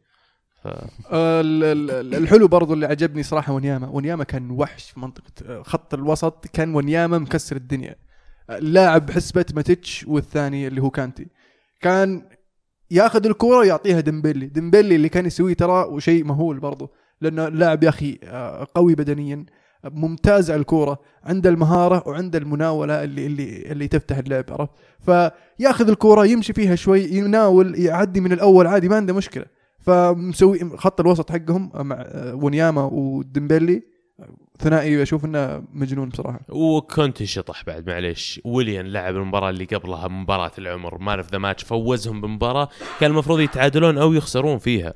وتقوم تجي المباراة هذه تنزل لي بيدرو بيدرو اللي نفس عليه دييغو كوستا في نص المباراة قعدوا أصلا خمس دقائق يطاقون على بيدرو ليش؟ لأنه مو براضي يفتح زي الناس والعالم، لأن لما كوستا ياخذ الكرة مقبل على منطقة الجزاء بدل ما تروح يا بيدرو تفتح كروس تحاول إنك تسحب معك مدافع مدافعين والله ما أبغى أسوي ال run لو مت مناول لي. يتردد في ال- في ال- في الركضة ولما دفها دييغو كوستا قد إنه ما سوى ال run بيدرو. إيه ما لا اللي ركض ولا اللي فتح ولا اللي سحب مع مدافع أتوقع يعني عمر قال لي مبسوط بعودة زوما المباراة الأخيرة اللي لعب فيها زوما فهذه إضافة كويسة. بالذات تكلمنا عن أخطاء أزبلكويتا في الدفاع. ممكن الآن لا يستفيد أزبلكويتا على الطرف ويرجع زوما كقلب حقيقي. طبعا انطرد جون تيري في المباراة أيضا. هي أول مباراه له مع كونتي وانطرد. يعني ف... من الحماس يا أخي. والله من الحماقة للأسف يعني التاكل كان. ما لها ما لها أي داعي فايزين و... بس كان بينفرد يعني خلاص عارف خله إنه مو بلاعب عارف إنه مو بلاعب المباراه الجايه واللي بعدها تيري خلاص آه لا يسجل الكاس هذا الامل ولا الوحيد. ولا ما أدري طريقة في إنجلترا كيف تو... التوق... لا لا, يعني. لا الف- البطوله كاس كاس. لا كل البطولات آه فيعني تروح يعني عن okay, okay. ما يلعب إذا بتفوت مباراة الدوري أصلا مو. بلاعب في الدوري يعني. قبل ما ندخل على فقرة الدوري الايطالي آه الحمد لله على السلامة يا عزيز. الله يسلمك. يقولون إنك حاضر آه، السوبر الإيطالي. لا من يقوله. أنا سمعت إشاعة لا مفادها لا, كذا. حتى لو نزل فيديو بعد كم يوم على اليوتيوب على قناة كورة معنا يحطين ترى كله تركيب. مو بصدق. مو بصدق لا. أنا ما كنت أنا كنت متأكد ها؟ إيه. حتى لو كان high quality الفيديو كان quality عالي وإخراج وكل شيء. وشوف ركزوا تشوفون التركيب على الطاري على. الطاري يا أخي. أذكر أذكر في المباراة. إيه. أنا قاعد عرفت؟ أقول يا أخي باتريس إيفرا كان ماسك أليكس ماسك الكاميرا كذا عرفت؟ مم. فأنا حاط الكاميرا وجهين عرفت؟ فأنا أشوف أليكس في الكاميرا ما أشوفه عندي. أنا قاعد أناظر هناك يقول يا أخي أنغى زي كذا يا أخي يا عزيز باتريس إيفرا man of the match عرفت؟ أشوفه في الكاميرا ألتفت عليه كذا عرفت؟ أعطاني النظرة ما قدرت أمسك نفسي. أتمنى انها تكون في الفيديو. أتمنى. والله المخرج آه، ما أدري editor يسوي كل شيء. أنا ما أقدر أثبت الكلام هذا لاني ما كنت في المباراة أصلا. صح صح. لا والله حضرنا وانبسطنا صراحة. كانت رحلة ال- الواقع يعني لا والله. كانت رحلة جميلة جدا انبسطنا فيها. أصدقك الآن يعني ولا أصدقك قبل أنت شوي؟ لك شوف أنا اعطيك قصتين. وأنت لك حرية الاختيار إيه أنا بشوف الفيديو قبل ما إيه أقرر. أنت شوف اللي ما راح ينزل. أوكي. لا بينزل الفيديو هو بينزل. أنا قالوا لي بينزل. بس إنه مو بنت. مو بنا مركبين. وممكن يصير أنت بعد. أنا قاعد ما أدري. أنا قاعد أقول لك الآن قصة ثانية. حسب وش تصدق إيه. رحنا وانبسطنا وكانت رحلة جميلة والمباراة كانت رائعة. أه صح خربها انه فاز الميلان لكن آه، أو انه خسر اليوفي. فاز الميلان بالعكس يعني يستاهلون. خرب انه خسر اليوفي. لكن آه، الرحلة كانت جميلة وممتعة. والمباراه كانت أيضا آه، التنظيم كان رائع صراحة في قطر. يعني ما أتوقع انه انه يعني شفت تنظيم زي كذا في بالذات إن المباراة مو يعني مو محلية. جايين عندهم فالتنظيم رائع جدا وتجربة تنعاد ليتك معنا يا عبد الله ويزيد والله كان ودنا نخاويكم لكن فيكم الخير والبركة وأنا. متأكد إنكم غطيتوه خير تغطية. أتطلع إني أشوف الفيديو اللي للآن ما شفته. سمعت عنه كثير. قريبا إن شاء الله ترقبوا الفيديو حق الرحلة. طويل شوي بس إن شاء الله يعجبكم. بسوي like و subscribe بعد وبعلم عنه اخويا كفو. صح عليك. صح عليك. وأنت يزيد لا تنسى بعد. لا أكيد. بالذات يعني ميلان فايز يعني. ترى نتفنا ميلان شوي في ال- في الحلقة في الفيديو بس كان معنا ميلان عشان كذا أخذنا راحتنا. وعشان أنا فايز بعد. عشان لا هو بعد ما فاز سكتنا. نوصل للدوري الإيطالي. جنة كرة القدم. زي ما يقولون. نابولي يعود للدوري الإيطالي بفوز 2-1 كان متأخر 1-0 هدف في مرماه السيد هساي. آه، بعدين رجع نابولي بهدف من جبياديني دقيقة 77 آه، هدف الفوز 95 اي لا لا قبل هدف الفوز. إيه. جبياديني أنت- أنت- جبياديني اللاعب ليه؟ المنسي. اي لا يستاهل اللاعب كويس حتى ما. بدأ أساسي في المباراة بس إنه يوم رجع أنقذهم بهدف التعادل وما سوى حركة جيرو راح انبسط بالهدف ورقصة ال ballerina لا مسك الكورة وراح نبي نجيب التعادل وضغطوا لين جابوا هدف التقدم في الدقيقة 95 عن طريق اللاعب الجديد الوافد الجديد تونيلي عاد آه، في إشاعات إنه بيطلع. إنه له فترة على الدكة ومو جزء من مو بجزء من آه، خطة آه، ساري حتى بعد إصابة ميليك برضو.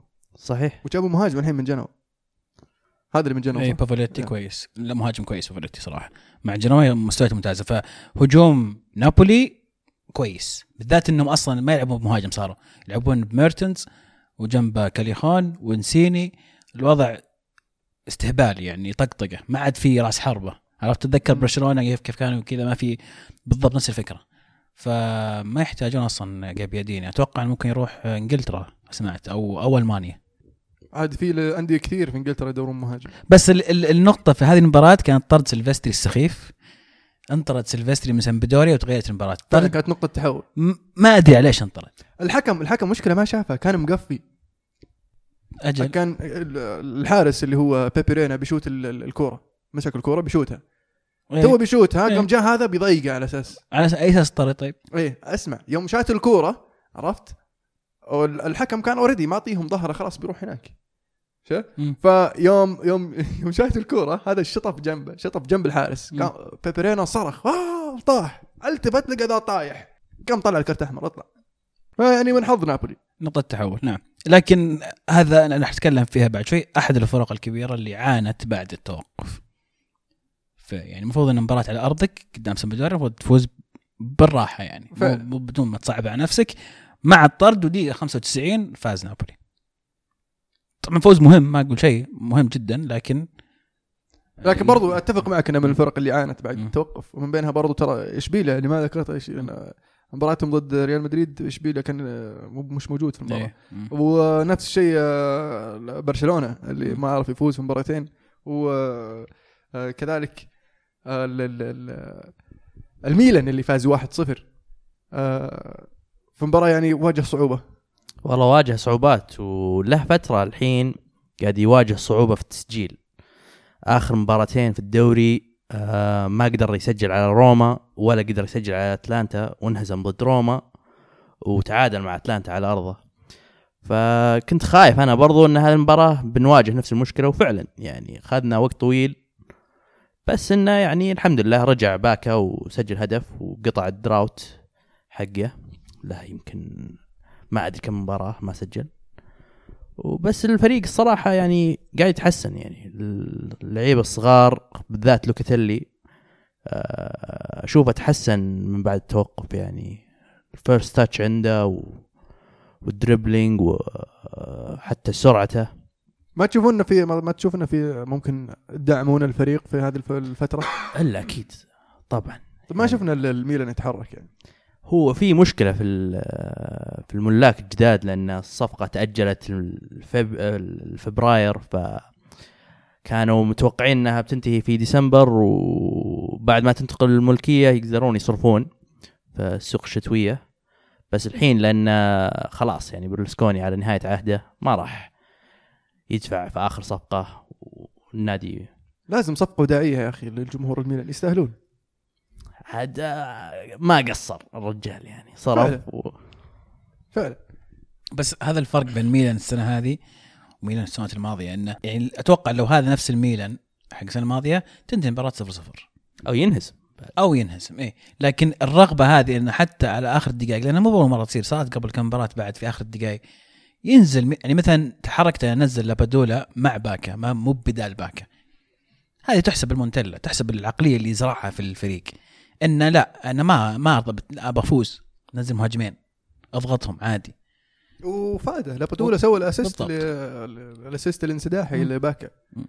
صحيح. فبرضه يعني مونتيلا قاعد قاعد يسوي شغل كبير مع الميلان وميلان ما زال ناقص مباراه و أشوف إنه له له عودة يعني. برضو من الفرق المتضررة من ال- التوقف كان روما. روما اللي كان يعني برضو عاجز عن التهديف حتى الهدف اللي اللي, اللي سجلوه كان بالخطأ في مرماه لاعب جنوا. آه ف هذه من الأشياء اللي يقول لك التوقف أحيانا يكون سلبي أكثر لكن مشت معهم يعني مثلا. مم. يعني ملعب جنوا أتكلم عن ملعب ميلان واليوفي خسروا فيه بالثلاثة. نابولي تعادل فيه. ملعب ما هو بسهل ابدا لكن جنوا طبعا لا ننسى إنه ينقصه آه، لاعبين أساسيين. أخذوا منهم بافوليتي نابولي وإحنا أخذنا منهم آه، توماس رينكون. فصار يعني يمكن في اختلال في ال- في التوازن في الفريق.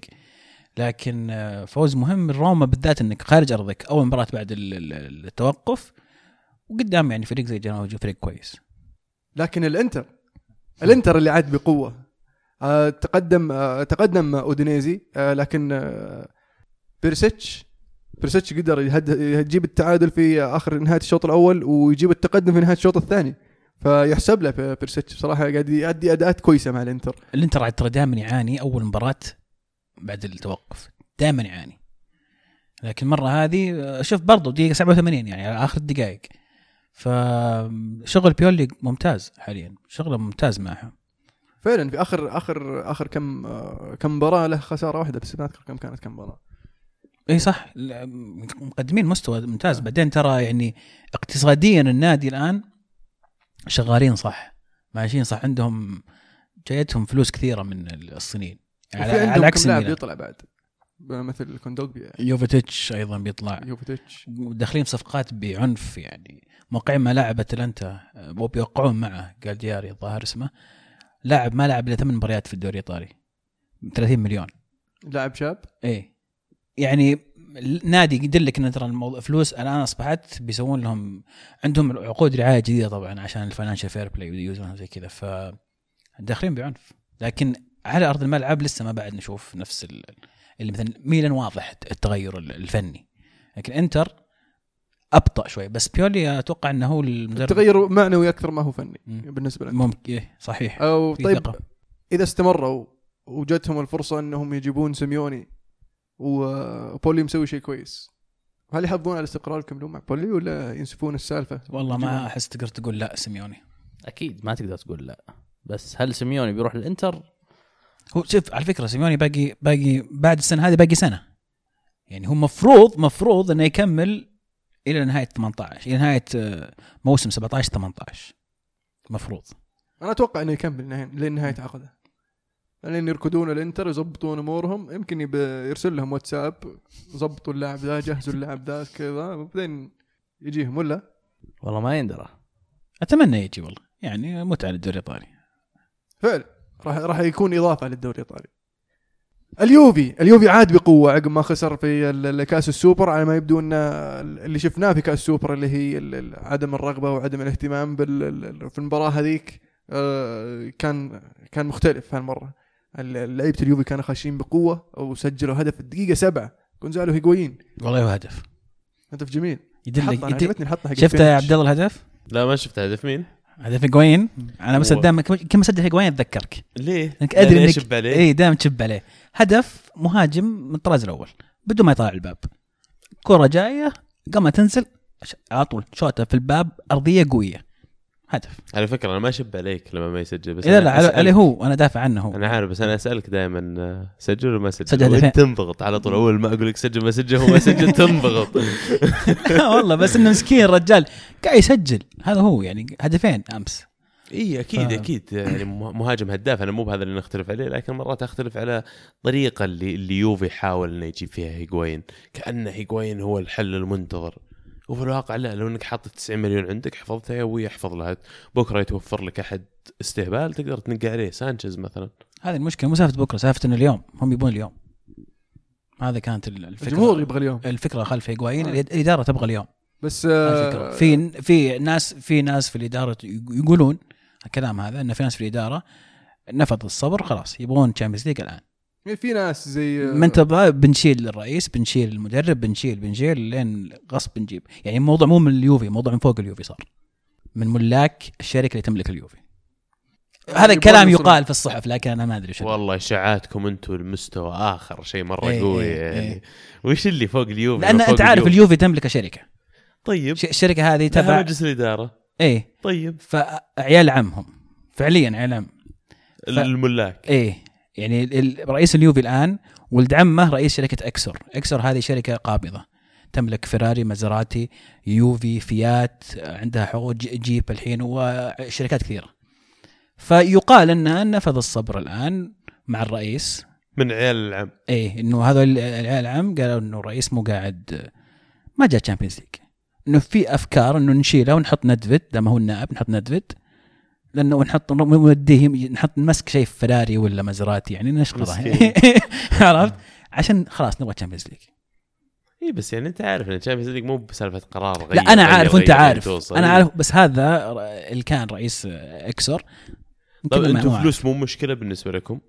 إذا الفلوس شوف مو مشكلة بالنسبة لليوفي المفروض الصراحة جبتوا ال Champions League بس إذا أنتم الفلوس بالنسبة لكم واحدة من خلينا نقول ال constraints أو من الأشياء اللي يعني ما تقدر تنفق حالك حال مانيو معوقات؟ إي من المعوقات هذا شيء آخر. شوف هو هو في في تحسن كثير. لا تنسى أن اليوفي عانى ماديا كثير بعد ال بعد ال Serie B. فعشان يرجع عشان يرجع إلى هذا المستوى أنه يصرف 90 مليون على لاعب ترى هذا يدلك على كيف صار الشغل الاقتصادي رائع في اليوفي من أفضل الأندية في الحركة الاقتصادية اللي سواها.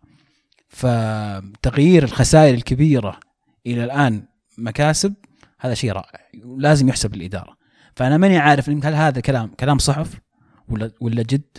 من ناحية فلوس أنا أعتقد اليوفي الآن مرتاح لأن مرات طلع قال إن في الصيف في صفقة هيغوايين ثانية بس في الوسط على كلام. مين تتوقع؟ فيراتي. أتوقع. لكن آه، آه، في الصيف إيه مستحيل. ومستعدين تدفعون 70 80 مليون فيراتي إيه، هو قال صفقة هيغوايين ثانية. إيش قصده؟ يمكن بيجيك بيقول لك "أوه، أنا قصدي بالحجم ولا الأداء ولا المستوى. طيب نفس الشيء. ولا تجديد الديبالا دب- دبات زباله الحين خلاص ديبالا. الشهر هذا يعني. على طاري ديبالا. ديبالا سجل هدف بلنتي بعد ما ضيع البلنتي في ال Super Cup. أتوقع لو إنه ما ضيع بلنتي كان ما شات بلنتي هذا أصلا. أتوقع خلوه يشوته عشان يعني عشان يقول الجمهور ترى لا عشان هو نفسيته المساكين يعني. لاعب صغير يضيع بلنتي مهم حس وضيع فرصة آه، من اللاعب الك- باتريس إبراهيم. إيه، قدام حارس بعد. قدام الحارس ضيع فرصة عرفت؟ قدام حارس رائع طبعا راح يجي اليوفي أيضا. قد تكون هي صفقه ما تدري ما يعني. تدري ما تدري. ما- وش هي الصفقة بتلعبونها وسط؟ ممكن. مم- ما تدري. كذا بس إيه، محور. لأنه بس طويل. عرفت؟ هذا يشتري. دوناروما وبلعب نلعب وسط. بوفون ونلعب دراما والله هم الكسبانين ياخذون عليكم 60 70 مليون والله بيعبوه بعد. ما يحتاجونها. أبيع ما يحتاجونها. عائلته. مع 40 الديل 40 بعد. دراما 40 خلاص. ما يحتاجون يبيعونها صفقة أغلقت ب صف- 40 يزيد. أغلقت صفقة ب 40 أغلقت صفقة ب 40 أصلا عندنا بعد واحد احتياط غير دوناروما من؟ استراري؟ لا واحد. صغير عمره 16 سنة. إيه. تو جاي. كويس خلوه. هو لا بنخليه لين صار 20 نجي ناخذ لا لا بس جد الحين شو اسمه المباراة هذه اليوفي كان صدق آه، رغم الغيابات آه، ما عندنا ظهير يسار إن باتريس بيروح. أتوقع فالنسيا بيروح. آه، الكساندر مصاب فأسامواه كان على اليسار وكان رائع. طبعا أسامواه ما راح لأمم أفريقيا يقول لأن اليوفي صبروا علي اصابتي فقررت اني أقعد. اطنش أفريقيا واقعد أشارك. وفعلا هل هل اعتزل يعني ولا؟ ما أدري وش قال منتخب غانا لكن قرر يقعد الزبدة. آه، ليشتاينر كان كويس آه، بيانيتش ورا. ورا ديبالا وهيغوايين. كانت جميلة صراحة. ال- يعني في مركز trequartista فعلا. اي كان مشتهي يلعب المباراة مو بمباراه اي الدوحه ليش؟ ما الدوحه يلعب ما شكلي عقب ما قابلته سلمت عليه وسولفت معه وزي كذا وقعدنا و... شحذت اي قلت له يا رد يا اسمع يا أبو فاطمة ترى وضعك مو مضبوط أبو إيش؟ أبو فاطمة. إيش فيك هو أبو فاطمة؟ صدق. okay. يا شفت ترى أرسنال يبونك إذا أنت ما أنت راعي كورة نوديك. إذا بتبي تلعب تقعد تفيدنا تقعد. قال لا وش اللي أرسنال فكني يا رجال؟ قاعد أوريكم أوريكم المره الجايه وفعلا المباراة ذي نزل وقدم مستوى جميل. برضو عبد الله يعطي نظرة أنت. طبعا هيغوايين أيضا كالعادة. وطبعا اليوفي كسر رقم شو اسمه؟ المباريات التاليه ف- الفوز على أرضه. صحيح. هذا شيء برضو يحسب الاليجري 26 26 مباراة متتالية في ملعب اليوفي كلها فوز. رقم قياسي جديد. شيء جميل. الرقم السابق كان الكونتي. 25 أي. رائع. نذكر بجدول الترتيب في الدوري الإيطالي. يحتاج؟ عشان يعني التغييرات اللي صارت تحتكم يعني. بعد الجولة 19 اليوفي ب 18 مباراة 45 نقطة في الصدارة، روما ب 19 مباراة في المركز الثاني ب 41 نقطة، نابولي في المركز الثالث ب 38 نقطة، لاتسيو في المركز الرابع ب 37 نقطة، إي سي ميلان في المركز الخامس ب 18 مباراة ب 36 نقطة، أتلانتا في المركز الخ... السادس ب 19 مباراة 35 نقطة، إنتر ميلان يقترب يقترب إلى إلى المركز السابع ب 33 نقطة. يعني خلاص ما عاد ما عاد بقي شيء. ما عاد بقي شيء. عليهم الإنتر يشدون حيلهم ويستنون اللي فوقهم يجيبون العيد. أنا ما يدخل في الإنتر. سل يزيد. جميل. بالنسبة للدوري السعودي الدوري السعودي متوقف حاليا. آه، مباراة في مشاركة لأنه ال- ال- معسكر المنتخب السعودي عفوا في في أبو ظبي وراح يلعب المنتخب آه، في مباراة ودية يوم الثلاثاء غدا أو آه، يعني يوم الثلاث الزبدة. ضد سلوفينيا راح تكون المباراه على الساعة 6 مساء بتوقيت السعودية وراح تعرضها أبو ظبي الرياضية. ف سلوفينيا الحين عندهم توقف توقف دولي لل... لل... في أوروبا ما في توقف. يعني لا لا لا في في آه، فيفا فيفا day؟ week إي بس انه ما هو برسمي دائما. يعني في برضه شفنا السويد برضه لعبت مع غانا. يعني بيجي بيجي سمير؟ آه لا لا لا ما أتوقع إنه بيلعبون بالفريق الأول يعني الفريق الأول. لا، مدربهم بيجرب يعني. مم. وقت مباراة ودية هم يحطون أسابيع كذا غير الأسابيع الرسمية اللي هي خلينا نقول المقدسة حقت فيفا. في أسابيع تصير optional إذا تبغى أنت تاخذ فيها مباريات ودية. وخلينا نقول كثير منتخبات ياخذون مباريات في الوقت هذا لأن توقيت البطولات جاية الصيف القادم الصيف اللي بعده. بطولة أمم أفريقيا برضو. آه راح تبدأ قريبا. ومنتخبات الأفريقية قاعدة تجهز برضو في المباريات هذه. لازم يكون في منتخبات تقابلها كتجهيز البطولة آه برضو ال- ال- ال- في مباراة ثانية راح تكون آه بعدها بكم يوم بس ما أذكر مع مين كانت. أمم افريقيا اللي أبرز غياباتها راح يكون المنتخب النيجيري بعد اللي ما تأهل للبطولة هذه ومستفيدين كثير من الأندية الكبرى اللي عندهم لاعبين نيجيريين معتمدين عليهم. إيوبي كان ممكن يروح معهم آه موزز من تشيلسي كان ممكن يروح معهم. اعطاه المنتخب معاد يسأل يقول رأيكم في ضم عبد الرحمن الدوسري وسامي النجعي المنتخب الأول؟ الصراحة حركة قوية من المدرب. آه لأن اللاعبين صراحة أبدعوا في آه أمم آسيا مع المنتخب الشباب ولعبوا ضد النصر مع النصر ضد ال- الهلال في مباراة الكاس وشفناهم في في, آه بأداء يعني أكثر من رائع بصراحة. كانوا ممتازين ويستاهلون أنهم ينضمون للمنتخب. طيب وش رأيك في تصريح مجد عبد الله يا يا عبد الله؟ بخصوص اللاعبين هذول مجد عبد الله طبعا قال انه أشوف انه مدرب أخطأ في ضمهم. وإنه يعني صغار ما يصلح بدري عليهم. والله حسب الظاهر مدرب المنتخب حاليا فان مارفيك ما هو بماجد عبد الله وهو ضمهم أكيد إنه هو حاط في باله شيء معين يبغى يحصل عليه منهم قد ما يلعبهم ترى لكن يجهزهم. أنت موجود في جو المعسكر موجود في جو المنتخب عشان لما المرة الجاية تجي ما تحس إنك غريب على المكان وتصير خلينا نقول ملتهي بالأشياء هذه أكثر. فأنا بالعكس أنا تكلمت في الحلقة الماضية إنه يوم قلت إنه ضرورة ضمهم المنتخب لأن المستوى اللي قاعدين يقدمونه كمان يعرف اللاعب إنه لما تأدي راح تنضم وإحنا نبغى اللي بيلعب كويس في المباراة الجاية في الأخير. إذا انت. on form هاته وما أتوقع بيلعبون أساسيين أصلا. لا, ف... لا بعدين حلو يا أخي إحنا تكلمنا كثير عن فترة ال- ال- ال- مارفيك إنه يجيب نفس اللعيبة يا أخي جرب يا أخي جرب الحين جت مبار... فترة مباراة ودية.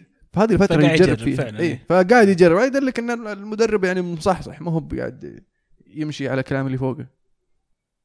حلو نوصل فط... فقرة بطل وبصل.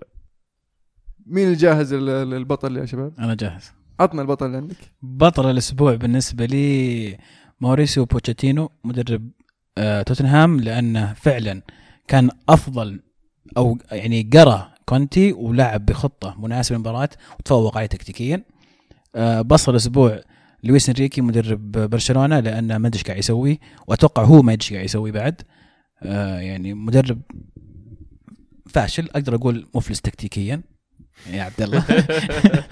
آه، هدف الأسبوع هدف هيغوايين الأول من تمريرة جميلة من آه، بيانيتش وبدون يعني كيف ما جات بدون ما يطالع الباب حطها آه، هدف مهاجم فعلا. بطل الأسبوع بالنسبة لي كان ريال مدريد على اداءاته الممتازة اللي واصل فيها بصراحه قاعد يخ- يخليني أفكر إنه قد يكون أول نادي يفعلها يفوز باثنين Champions League ورا بعض جاهزين يمكن هم أفضل فريق في أوروبا حاليا. أه بصل الأسبوع راح أوافقك الرأي بعض الشيء بس أنا راح أعطيه برشلونة. بشكل كامل يعني مسكين ما عدا ميسي هو في آخر المباراه لكن إيش قاعدين تسوون يا جماعة الخير؟ عندكم فريق جبار لا تقول لي إن أنا اتعادل مع فيريال لأن ما عندي دكة. ما هو المفروض إن لاعب الدكة حقك أفضل من الأساسي حق فيريال already غير مقبول العذر هذا ولا العذر حق بيكي. وهدف الأسبوع بالنسبة لي هدف الأول لأودينيزي اللي سجلوه في مرمى إنتر ميلان هدف في يعقوب جنكتو أتوقع اسمه إذا ما كنت غلطان. finish من كوكب آخر كيف الكورة أصلا طلعت ونزلت وطلعت شيء مو معقول المزع يزيد؟ آه بطل الأسبوع نقدر نقول اليوفنتوس أرينا بما أن اليوفي قاعد ينتصر 26 انتصار تعال كل أسبوع تكفى. ونقدر نقول بصل الأسبوع نتفق معاكم نقول برشلونة أيضا. وبالنسبة للهدف فممكن نقول هدف ميسي. الفاول آه هو يمكن يكون أحلى هدف هذا الأسبوع. حلو. جميل. أنت كذا تخليني ما. ما أسبق أحد المرة الجاية آه، بالنسبة لي ال... ال... ال... البطل آه، بن يادر مهاجم إشبيليا اللي قدر يسجل هاتريك ويصنع الهدف الرابع وفي في مباراة انتهت 4-0 وبالنسبة لبصل الأسبوع نعطيها نيمار آه، نيمار اللي اللي غايب عن التهديف لمدة 11 مباراة مع برشلونة ومع إنه يعني لاعب زي نيمار في برشلونة تجي فرص كثير يعني وهدف الأسبوع آه، أنا لازم أتفق معك هدف ميسي يعني. هدف ميسي. يستاهل بصراحة. نوصل فقرة هاشتاج الحلقة يا عزيز. هاشتاج الحلقة. آه علي الشهري حاط صورة آه، محبوبك يا المو حاط صورة آه لويس فان خال وكاتب أكثر شخص له فقد هذه السنة. آه يا لويس فان خال. والله يعني صراحة أتفق معه فعلا إذا أنت ك- كمتابع تفقده بس إذا آه. أنت مشجع يعني تقول الحمد لله على كل حال يعني. طيب. أيضا إيريك جريت صديق البرنامج مدرب الكبير البلجيكي يقول هل فاندر سار من أفضل الخمس؟ هل فاندر سار من أفضل خمس حراس في التاريخ؟ وإذا لا كم مركزة؟ طبعا مركزة بالنسبة للحراس اللي شفتوهم اللي ما شفتوهم اسحبوا عليهم. اي لا تقول لي ياشين ما ياشين آه، بالنسبة لي من من أفضل خمسه نعم لا لا معليش أختلف معك. آه، شفت بالنسبة لي أنا أنا كيف؟ شفت أفضل بكثير. مع, مع كامل احترامي عطني خمسه عطني خمسة. تكفى لا تقول ديفيد مع كامل احترامي لرايك سيمون مع يعني. كامل احترامي لرايك رأيك غلط يا أبو. لا بس يا أخي أنا شفت حراس ما أدري على وقتي أقدر أعد لك كثير منهم. آه على سبيل المثال أوليفر كان ينز ليمن. آه إيش يسمونه؟ شمايكل قال لك كان قال لك طبعاً. لا لا أفضل أفضل منه. معلش بيتر شمايكل. أفضل منه. أوكي. بوفون أفضل منه. كاسياس في أفضل مستوياته كان أنا عد لك إياهم عد لك إياهم الخمسة حقيني زيرس يا أخي. عد لك إياهم الخمسه لا كان زي عد لك إياهم الخمسة حقيني من غير ترتيب بس بذكرهم. الخمسة. يعني. اليوم فاندر سار بيتر شمايكل بوفون أوليفر كان كاسياس هذول خمسة. معليش لا. نوير. لي- ليمن أفضل من أفضل من كاسياس وأفضل من ليمن. آه اي ليمن أفضل من كاسياس وأفضل من هذا حقكم فاندر سار ما يسمونه. نوير. نكرة. نوير كويس لكن آه. إيه. يعني ب- حاليا في سؤال بعد شوي بيجيك الحراس حاليا. يعني بدري نحط نوير في هذا النقاش يعني. طيب فاندر سار top five ولا لا؟ أكيد. أكيد. إيه. ما يبغى له واحد اثنين. لا تطالعني يعني سار ما نجح معنا فما أقدر أعطي رايي صراحة. ما نجح معكم أوكي. عشان كذا ما أقدر أعطي راح فولهام وقعد فولهام. أنا إيه. قعدت اتناظر فولهام وأصيح عرفت؟ أصيح شلون فاندر سار حارس فولهام وان حارسنا في- بارتز. مو بارتز هاورد هاورد تيم هاورد. خلصنا من بارتز. كرشناه. تيم هاورد جبنا. كان كرول بعد قبل هاورد. فيعني يا أخي تولدو طيب. لا. شوف. أنا ب- الحين أفكر بخمسه بوفون شمايكل. خلصوا. لا بوفون. كان يا أخي؟ كان. بوفون شمايكل كان. ديدا تفرج كازياس. لا كازياس. تفريل كويس بس إيه. كامبوس أفضل بكثير. بيتر تشيك. بيتر تشيك كويس بس إنه خرب مسيرته. أيام تشيلسي. أيام تشيلسي. خلينا نقول قبل ما هو هو. وهذا المركز الخامس للمركز الخامس في صراع عليه. يدخل في الصراع فاندر سار okay كذا أتفق معك. أما هو absolutely top five لا. أنا بالنسبة لي يدخل بالتوب فايف أنا معليش أنا ترى إيه إيه. أنا أنا أحب اللاعب من قبل ما يجي اليونايتد يعني بسنوات. فيعني أنا أشوفه بالنسبة لي من أفضل الحراس. ودي ودي والله يا المو بس رأيك بكيفك والله. راي رأيك غلط والله. طيب لوفي يقول عند رأيكم للحين بشأن زيادة المنتخبات في كأس العالم وهل راح يقتل حماس البطولة وحماس التأهل لها والتأهل بأسهل طريقة؟ سيء. أتوقع تكلمنا عنها الحلقة الماضية. اي أنا عجب رايكم ما عجبني الحلقة الماضية على فكرة. كلكم عجبكم أنا ضد تماما. مو بعد الا ما راح يأثر كثير. لا أنا بالنسبة لي يأثر. لما لما يعني بطولة تفقد لما تكون 32 فريق يعني معناتها أنت مميز. لما تخسر مثلا من ال- من منتخبات آسيوية ما تستاهل تتأهل. تخيل المنتخب السعودي يتأهل وهو مستواه سيء ولا يعني يخسر من ما بدون ذكر اسماء يخسر من عندي من منتخبات مرة سيئة. وبرضه بيتأهل مثلا يعني بعدين المقاعد هذه بتروح لمين؟ مين بياخذها؟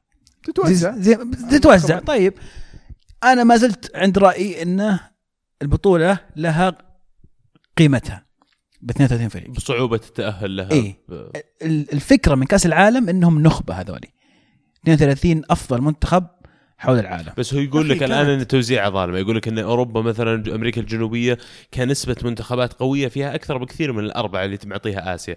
فأنا أتوقع طريقة زيادة المنتخبات هذه طريقة خلينا نقول مهذبة أكثر من إنه يقول اسمعوا يا آسيا أنتم زبالين بناخذ منكم مقعدين اسمعوا أفريقيا معليش مع كامل احترامي أوروبا الحين فنانين أمريكا الجنوبية فنانين نبي نغير المقاعد. يمكن بدال زيادة عدد المنتخبات اللي يقدرون يسوونها زي الشامبيونز ليج seeds تصير وتصير كل يقول لك قارة لها يعني نقاط. ح- المتوقع يقول 16 مجموعة ثلاث منتخبات في كل مجموعة الفوز ثلاث نقاط والتعادل نقطتين. ليش تعادل نقطتين؟ يعني الخسارة نقطة؟ أول واضح الهدف من الزيادة هذه زياده عدد المباريات عشان الفلوس. واضح. هذا أول شيء يخليني أقول لا. بالنسبة لي كمتابع لما تزيد مباريات كأس اي العالم بس وش الفائده. أما أروح أشوف الكونغو تلعب مع مع بنما. ما يا ما, أخي ما كونغو أنا. بنما أول مرة يلعبون هذه المباريات أول يلعبون يلعبون يلعبون في بيتهم. اذكر أذكر مباراه أذكر مباراة. كنت قاعد أتفرج على المباراة. كأس العالم الأوروغواي أمام كوستاريكا. قاعد أتفرج على المباراة. يجي واحد يقول لي خل نروح نجيب عشاء. تد- بالحلال تد- اسمعني اسمعني بالحلال. المباراة يعني اللي قاعد يصير ترى يعني استهبال جو كوستاريكا إيش قاعد يسوون بالأوروغواي؟ لا يا حبيبي مو بصاير صدق الأوروغواي بيفوزون ما أدري وش. ما- يلا رحمة الرجال جاي مسكين. طلعنا نتعشى. شوف يوم طلعنا نتعشى. انت انت المباراة صاقعينهم صاقعينهم ص- كوستاريكا صاقعين الاوروغواي 3 1 تدري ليه؟ تدري ليه؟ لأنهم تأهلوا بجدارة. لأن البطوله 33 منتخب. طيب لسه لو لو- 48 كان ما كان كوستاريكا كان مين تاهل؟ كان تاهل كونغو وبنما. عرفت؟ كوستاريكا كوستاريكا ترى مو بسهل. جامايكا. ترى- ترى يصفي مع أمريكا والمكسيك. جامايكا. أوه لا تتكلم عن جامايكا لو سمحت لو جامايكا؟ سمحت. إيه، يا- أمريكا؟ هذه كلها نفس لو سمحت كانوا ضيف حارس منتخب جامايكا صديق الرجال. والله كان صديقنا كان في الجامعة معي. صحيح؟ إيه صحيح. والله أتذكر اشوفه حتى يتدرب كان وحش صراحة في التدريبات يعني يعني nice. أنتوا تلعبون كورة معه؟ كان هو يعي يلعب حارس يلعب معنا بس ك outfield player يعني okay ليش طيب؟ قلنا ندربك طفشت يقول كل مرة حارس لا خلاص. يقول يطيح مستواي العب معك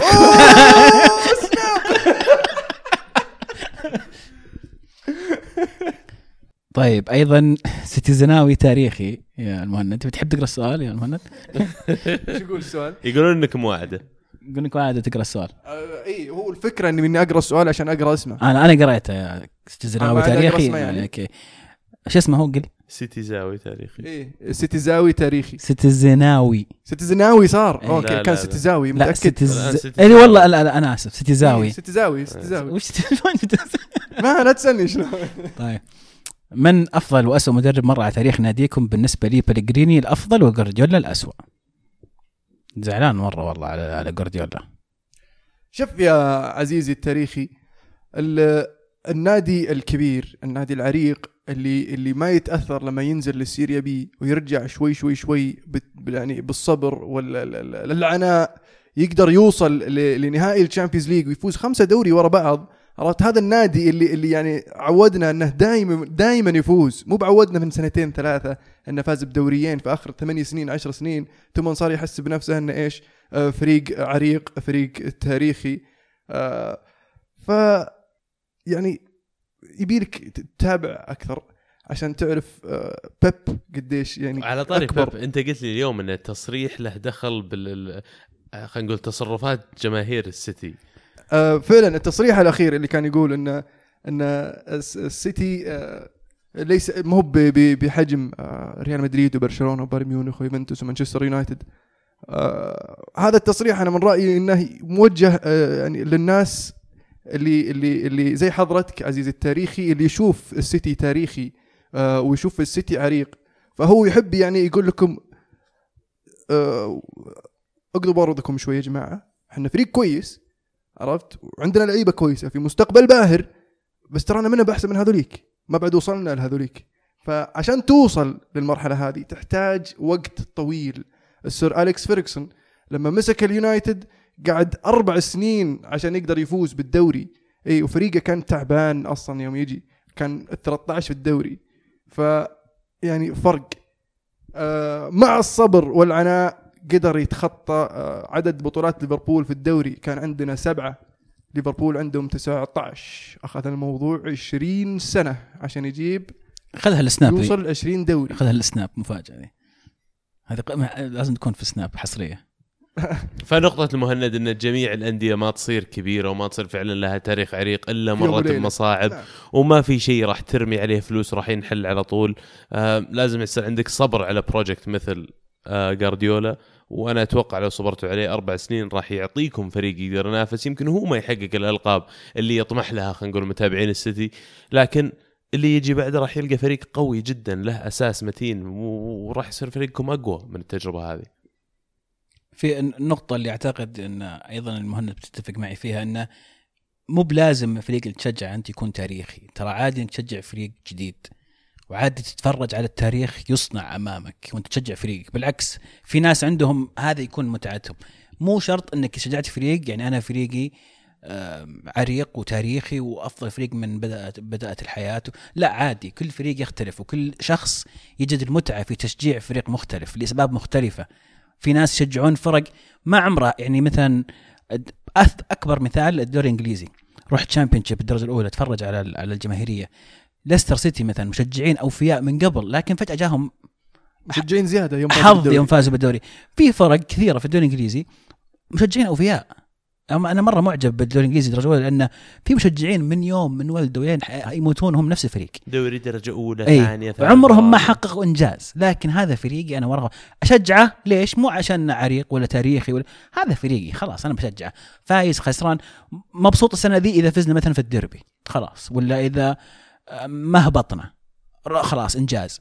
فك وطبعا كل نادي له وضع مو يخ- يختلف. فمو لازم أنا أقارن نفسي بتشجيع الفريق هذا بفرق ثانية وضعه. فكل واحد له أسباب تش- تشجيع الفريق.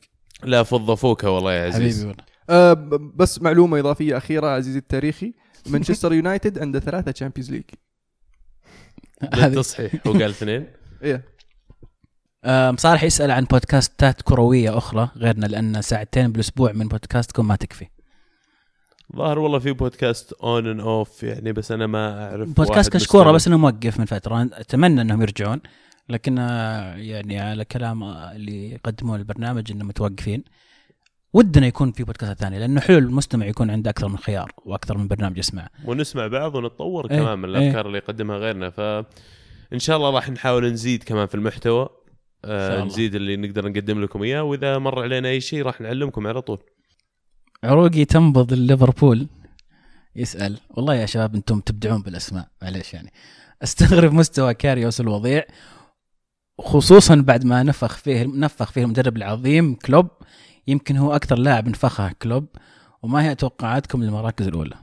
آه، بالنسبة لكاريوس يا أخي قاعدين يضغطونه كثير يا أخي. لاعب كويس وشاب. يا أخي أنا أذكر واحد جاء للدوري الإنجليزي وكان عصقول كانوا الأندية يضغطونه ويحشرونه عشان يستغلون إيش؟ قلة خبرته وقلة معرفته بالدوري. وزرف لكن بعدين زرف دونت يقولون بعد من زرف. دونت برضه إيه. بعدين صار يعني ما أبغى أصير آه، يعني آه، مبالغ واقول أفضل حارس لكنه من أفضل الحراس حاليا. فكاريوس يعني حارس كويس وشاب واللي يشوف اللي يشوفه فيه يعني آه، كلوب ما هو بشيء عبث. فله مستقبل عطه وقته. ما هو ما هو بصاير كذا حارس فنان مرة واحدة. فاشوف إنه له مستقبل باهر. آه، الثقة اللي يعطيه إياه آه، كلوب آه، يعني آه، أشوف إنه يستاهلها. ومن رأيي هو هو أفضل من مينوليه اللي يتفوق عليه مينوليه اللي هي الخبرة. مو فقط الخبرة الخبرة في الدوري الإنجليزي برضه فمع الوقت أشوف إن كاريوس ممكن يصير يعني من أفضل الحراس في الدوري. وتو جاي بعد لازم تعطيه وقت يتعود شوي على أسلوب التدريب الفريق أسلوب الدوري أسلوب أشياء كثيرة. فزي ما قلت المهند الحراس بالذات الشباب منهم يبغى لهم وقت شوي وبالعكس كويس إنه عنده منافس زي منيولي لأنه لما ينزل مستوى زي كذا من صالح إنه يرجع الدكة يرجع للعمل الجاد يرجع يشتغل يعني يطور نفسه أكثر عشان يرجع يحصل على المركز الأساسي. فعلا. طيب المراكز الأولى. أنا بتكلم عن اربعه خلينا نقول أربع الأوائل. الآن في صراع عنيف جدا على المركز الأولى لكن مين ال- ال- الحلقتين الأضعف خلينا نقول؟ في ال top four حاليا؟ أنا أشوف إن يعني مين أنا توقعي شخصيا وبقوله ما راح بدون أي تبرير ولا شيء بس كذا توقع أتوقع اني كان توقعي أصلا قبل بداية الموسم. أرسنال خارج الاربعه ال- ال- الأخيرين معاهم واحد من مدينة مانشستر. إحنا الخامس. لا أتكلم في نهاية الموسم. فعلا. راح يكون أرسنال وواحد مانشستر إذا مره مرة مضطر آه، راح أقول سيتي.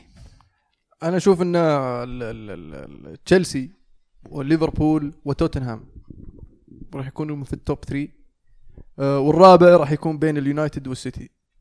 أرسنال راح يكون خارج الحسبة. باقي واحد صح؟ اي الرابع اللي هو بين يونايتد والسيتي يعني آه ارسنال زي يعني. إي ارسنال برا الحسبه ارسنال واحد من من المانشستراويه مم. نتفق يعني. سبيرز و... وليفربول وتشيلسي.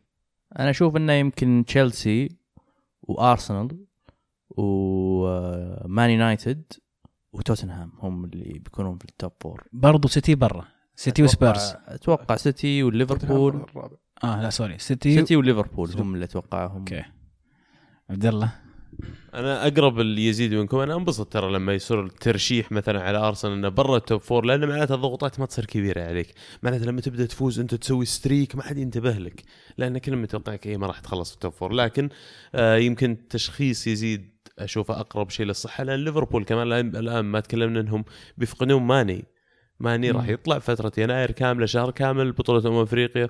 آه عندهم كمان مشكلة الحراسة مشكلة في الدفاع. ماتيب بيمشي كمان من أمم أفريقيا. ماشي ما راح يروح؟ ما راح يروح. ماتيب برضه توصل حل زي حالة ال- ال- هذا واللي هو سماه مع اليوفي وراح يقعد. طيب وعندهم كمان الحين ستورج رجع شفناه في المباراة الأخيرة وطلع مصاب في المباراة الأخيرة. أنا ليش أقول لك أرشح الليفر؟ لأن الليفر ما عنده إلا الدوري. أنتم تروحون تلعبون مع بايرن ميونخ. راح يجلدونكم بايرن ميونخ ممكن تتاهلون وأردا لكم لو تأهلتوا. لأن راح تعطي فرصة أكبر لليفربول. لا بالعكس أنا أشعر ترى دائما ال momentum اللي تسويه المباريات هذه لما قاعد تصير تلعب كل ثلاث أربع مباريات كلها مباريات قوية كلها مباريات حسم كلها مباريات يعني مهمة كثير في ترتيبك نهاية الموسم. اللاعبين يدخلون في جو المباريات تقل كثير عدد الحصص التدريبية يصير بين المباراة والمباراة يمكن حصتين بس يدربون اللاعبين. في رتم المباريات داخلين آه، لاعب مثل سانشيز أنا متأكد إنه يستانس على جو أجواء زي كذا. فأتوقع إنه بالعكس هذا الشيء بيبرز آه، أفضل خصال فريقنا لما تجي فترة الضغط. ممكن. جنون أرسنالي يقول نقدر نقول الحين حظ الحين حظ أوفر يا لايبزيج وتعوض الموسم الجاي ولا في أمل يحققونه؟ والله صادق يعني الأسماء مبدعين متابعين يعني آه لا ما في شيء اسمه hard luck من الحين. ثلاث نقاط ترى الفرق بينهم. إي بس واقعيا. حتى واقعيا تتوقع واقعياً, تتوقع إن لايبزيج بيفوز بالدوري؟ آه واقعيا أتوقع أن لهم أمل. okay. هو أكيد لهم أمل إيه يعني يعني- رقميا لهم لهم. بالضبط. لا ما أتكلم رقميا. بقول 10% مثلا. يعني ما 10% ما زي 10% يعني. كانك تقول كانك تقول أرسنال يفوز بالدوري. لا آسف طيب. محمد يقول تكلموا عن الدوري الفرنسي خلاص صار قوي في فريقين متأهلين بالأبطال والدوري مولع. بس خلي إيه بس يعني إيه فعلا هو يوم طلع زلتان من الدوري الفرنسي صار في تنافس. كان مخرب الدوري الفرنسي كان صح؟ مخرب. إيه فعلا. طلع زلاتان وجا بالوتيلي هذا الكلام هذا كلام ما خل جا بالوتيلي جاء سوبر ماريو يا حبيبي. موناكو ولا نيس؟ وش اللي موناكو؟ مين يفوز بالدوري؟ فرنسا أقول موناكو. والله موناكو يستاهلون. مو بنيس؟ لا أتوقع موناكو. نيس. عبد الله؟ أنت قل نيس ومو فايزين. أكيد. لا لا لا موناكو موناكو. okay. فريقهم قوي يا أخي وأكمل من نيس. نيس لو أصيب بالوتيلي إيش بيسوون؟ صح. ما في أحد يعوض بالوتيلي سعد تميمي يقول من هم أفضل ست حراس حاليا بالنسبة لكم جميعا؟ ستة. اللي يلعبون حاليا. حاليا. okay. ستة كثير يا أخي. عطني ثلاث عطني ثلاثة دخيا آه، نوير بوفون تشيك كورتوا. هذول خمسة. تبغى سادس؟ كورتوا really. كويس. حتى تشيك really حتى نوير really لا آه، حراس حالياً. إيه. إيه. عطني غير الثلاثة طيب يعني ما أنا ما عندي إلا اثنين وثلاثة اللي أشوف يستاهل طيب آه، هذول أنت اثنين بوفون ثلاثة هذا بوفون ودخيا أتفق معك فيهم لكن يعني في عالم كرة قدم من زمان ما ش... نوير زبل آخر موسم بالنسبة لي الموسم هذا بعد يعني بوفون ديخيا نوير أوبلاك آه، يا عمي حتى حارس كورتوا. مدريد شو اسمه نافاس. نافاس والله نافاس. عندي ولا الباقيين اللي ذكرتهم. آه أوبلاك حلو خيارك. أوبلاك ممكن يكون إذا كان ستة أوبلاك اضيف دوناروما يستاهل. دوناروما وطبعا أكيد آه، جان لويجي سينيور. نعم. و آه، مين بعد؟ طبعا دي خيا وتشيك ممكن كورتوا. جوهر نوير؟ جوهر طيب. نوير. ونوير. نوير. السادس خالد عبد العزيز يقول وش رأيكم في تكتيك النصر ضد الهلال في ولي العهد؟ لعب ب 3 3 3 1 آه، في هذيك المباراة النصر سيطر على المباراة من جميع النواحي. آه، قدر يحرج الهلال وقدر يحرج المدرب ويحرج لعيبة الهلال.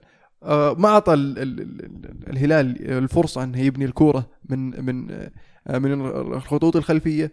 آه، ولا أعطاه الفرصة أنه يتحكم بالكورة في نص الملعب.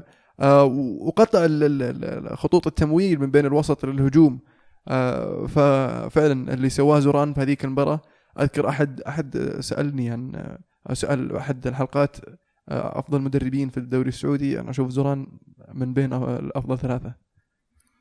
خط دفاع الهلال الصراحه كان مرة سيء هذيك المباراة يعني. كان عليه علامة استفهام كثيرة يعني. فأنا أشوف إنه يعني سوء خط اله... آه، خط دفاع الهلال يعني كان أكبر مأساة هو اللي يعني عطى النصر المباراة يعني. طبعا النصر برضو ما ما قصر يعني سجل واستغل الأخطاء بس أشوف المشكلة الكبرى كان دفاع الهلال. اي بس آه، هذا الشيء اللي تكلمنا عنه كذا مرة بعد إن الرقم على الملعب ما يفرق 4 3 3 4 2 3 1 الاسلوب اللي تلعب فيه ما يفرق. هو فضل إنه يلعب بطريقة زونال أكثر فكر إن أنا أبغى اضيق المساحات على الهلال أبغى يكون عندي لاعب يضغط في كل خانة على كل لاعب من لعيبة الهلال. أسلوب لعب الهلال يمكن يجبر إنه يلعب كذا لأن انتشارهم في الملعب دائما يوسع الملعب الهلال. فقال أنا لعبت ثلاث خطوط دفاع ورا بعض عندي مهاجم قدام يضغط على قلوب الدفاع اثنينهم إذا جو يمسكون الكورة وفعلا نجح مع الأسلوب. ما أقول إنه شيء مخترع لكن رجع لبدائيات كرة القدم وفاز فيها. بس يحسب الزوران برضو. طبعا. يحسب انه قرأ الخصم وقرأ آه، مفاتيح اللعب عند الخصم الخصم وقدر يقفل عليهم. أيضا يقول وش يحتاج اليوفي في الشتوية؟ لاعب وسط. للأسف يقولون إنهم قفلوا الشتوية ذي. لكن الآن ب... لما طلع إيفرا يحتاج ظهير يسار بديل الكساندرو لا أشوف اسمواه ممكن يغطي المركز هذا فما ما تضمن. اسموه ترى زي رمزي ما كليني طيب يا أخي كليني ظهير يسار إيه. حرام عليك خلاص رجال كبر ما عاد روقاني خبط لزق هي شلون؟ اي أنا عارف إنه قلوب دفاع ذولي بس إنه يعني في حتى مو باشر رقاني أصلا عندك بس أنا- الكساندرو هو الأساسي أنت قاعد طيب. قاعد- يزبل بالك بالضبط. مباراة. مباراتين هذاك الشيء اصيب كرت أصفر كرت أحمر يعني مو الموضوع لا ممكن- تجيب واحد ممكن. أساسي في الخانة ممكن. لا لا جيب. روح جيب ظهير مثلا من بولونيا ولا لا بس. يعني سيتي يا أخي عندهم ستة روحوا شيلوا منهم واحد. كلهم شيبان. معليش أنت طيب. تبغى احتياط يا أخي؟ نخلي شايبنا طيب ونع- خلي كولاروف عاد العم وش كولاروف. والله يا ريت كولاروف. يجي. آه وش سالفة المدافع اللي جايبينه ذا رينكون؟ يكفي دفاع مو مدافع محور. رينكون محور. صحيح؟ إيه متأكد. محور أنا أقرأ عنه رجال الخنرال يسمونه جنرال. يستاهل. أول بالخاء فنزويلا بالخاء اي. بالخنرال يقول لك آه، يعني من طقة فيدال وجاتوزو هذه النوعيه اللعب. وأول لاعب آه، بنزويلي بنزويلي نعم. يلعب في اليوفي. ومهايطي أول ما وصل قال آه، جمهور اليوفي زاد 300 مليون. بنزويلي. عبد الله الجبري يقول هل ملعب الجوهرة وجمهوره وهيبته له دور بأداء المنتخب وإنه جاب الأول على مجموعته؟ أتوقع يلعب دور كبير لأن في في فترات سابقة كان المنتخب يلعب في في الدمام. آه، ملعب الدمام ملعب صغير ولام على بعضه. الجمهور قريب وصدى الجمهور عالي لأن السقف قريب من الجمهور. فكان كان له دور كبير إذا تذكرون تصفيات كأس العالم 2006 كان ال- ال- ال- المنتخب السعودي ما لا يقهر. فاتوقع أنه له له دور في آه، في أداء المنتخب. لكن مو هو السبب الرئيسي. ولا؟ أنا يعجبني جمهور الشرقيه الجمهور الغربية بشكل عام جمهور رائع. فعلا يعني دائما مباريات الاتحاد مباريات الأهلي مباريات المنتخب جمهور مو بس يحضر يحضر فعال طول الوقت يعرف. يشجعون. يعرف يشجعون طول الوقت مباراتهم يشجعون ما يسكتون.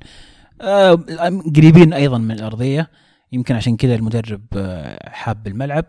الأجواء يمكنها تناسب أكثر.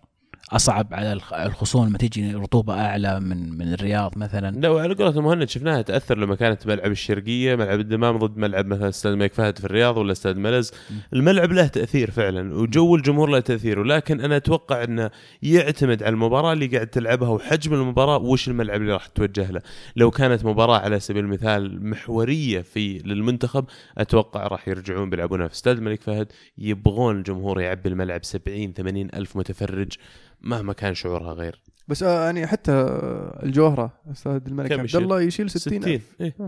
فيعني آه، بس لك تاريخ يا أخي أستاذ الملك فهد لا لا خلاص شوي أبدأ. ركز على تاريخ أسود والله عاد درة الملاعب مقبرة الخصوم معروفة يعني أنا أقول استمر على جدة لأنه موضوع شيلة المضمار هذه رائعة صراحة فعلا.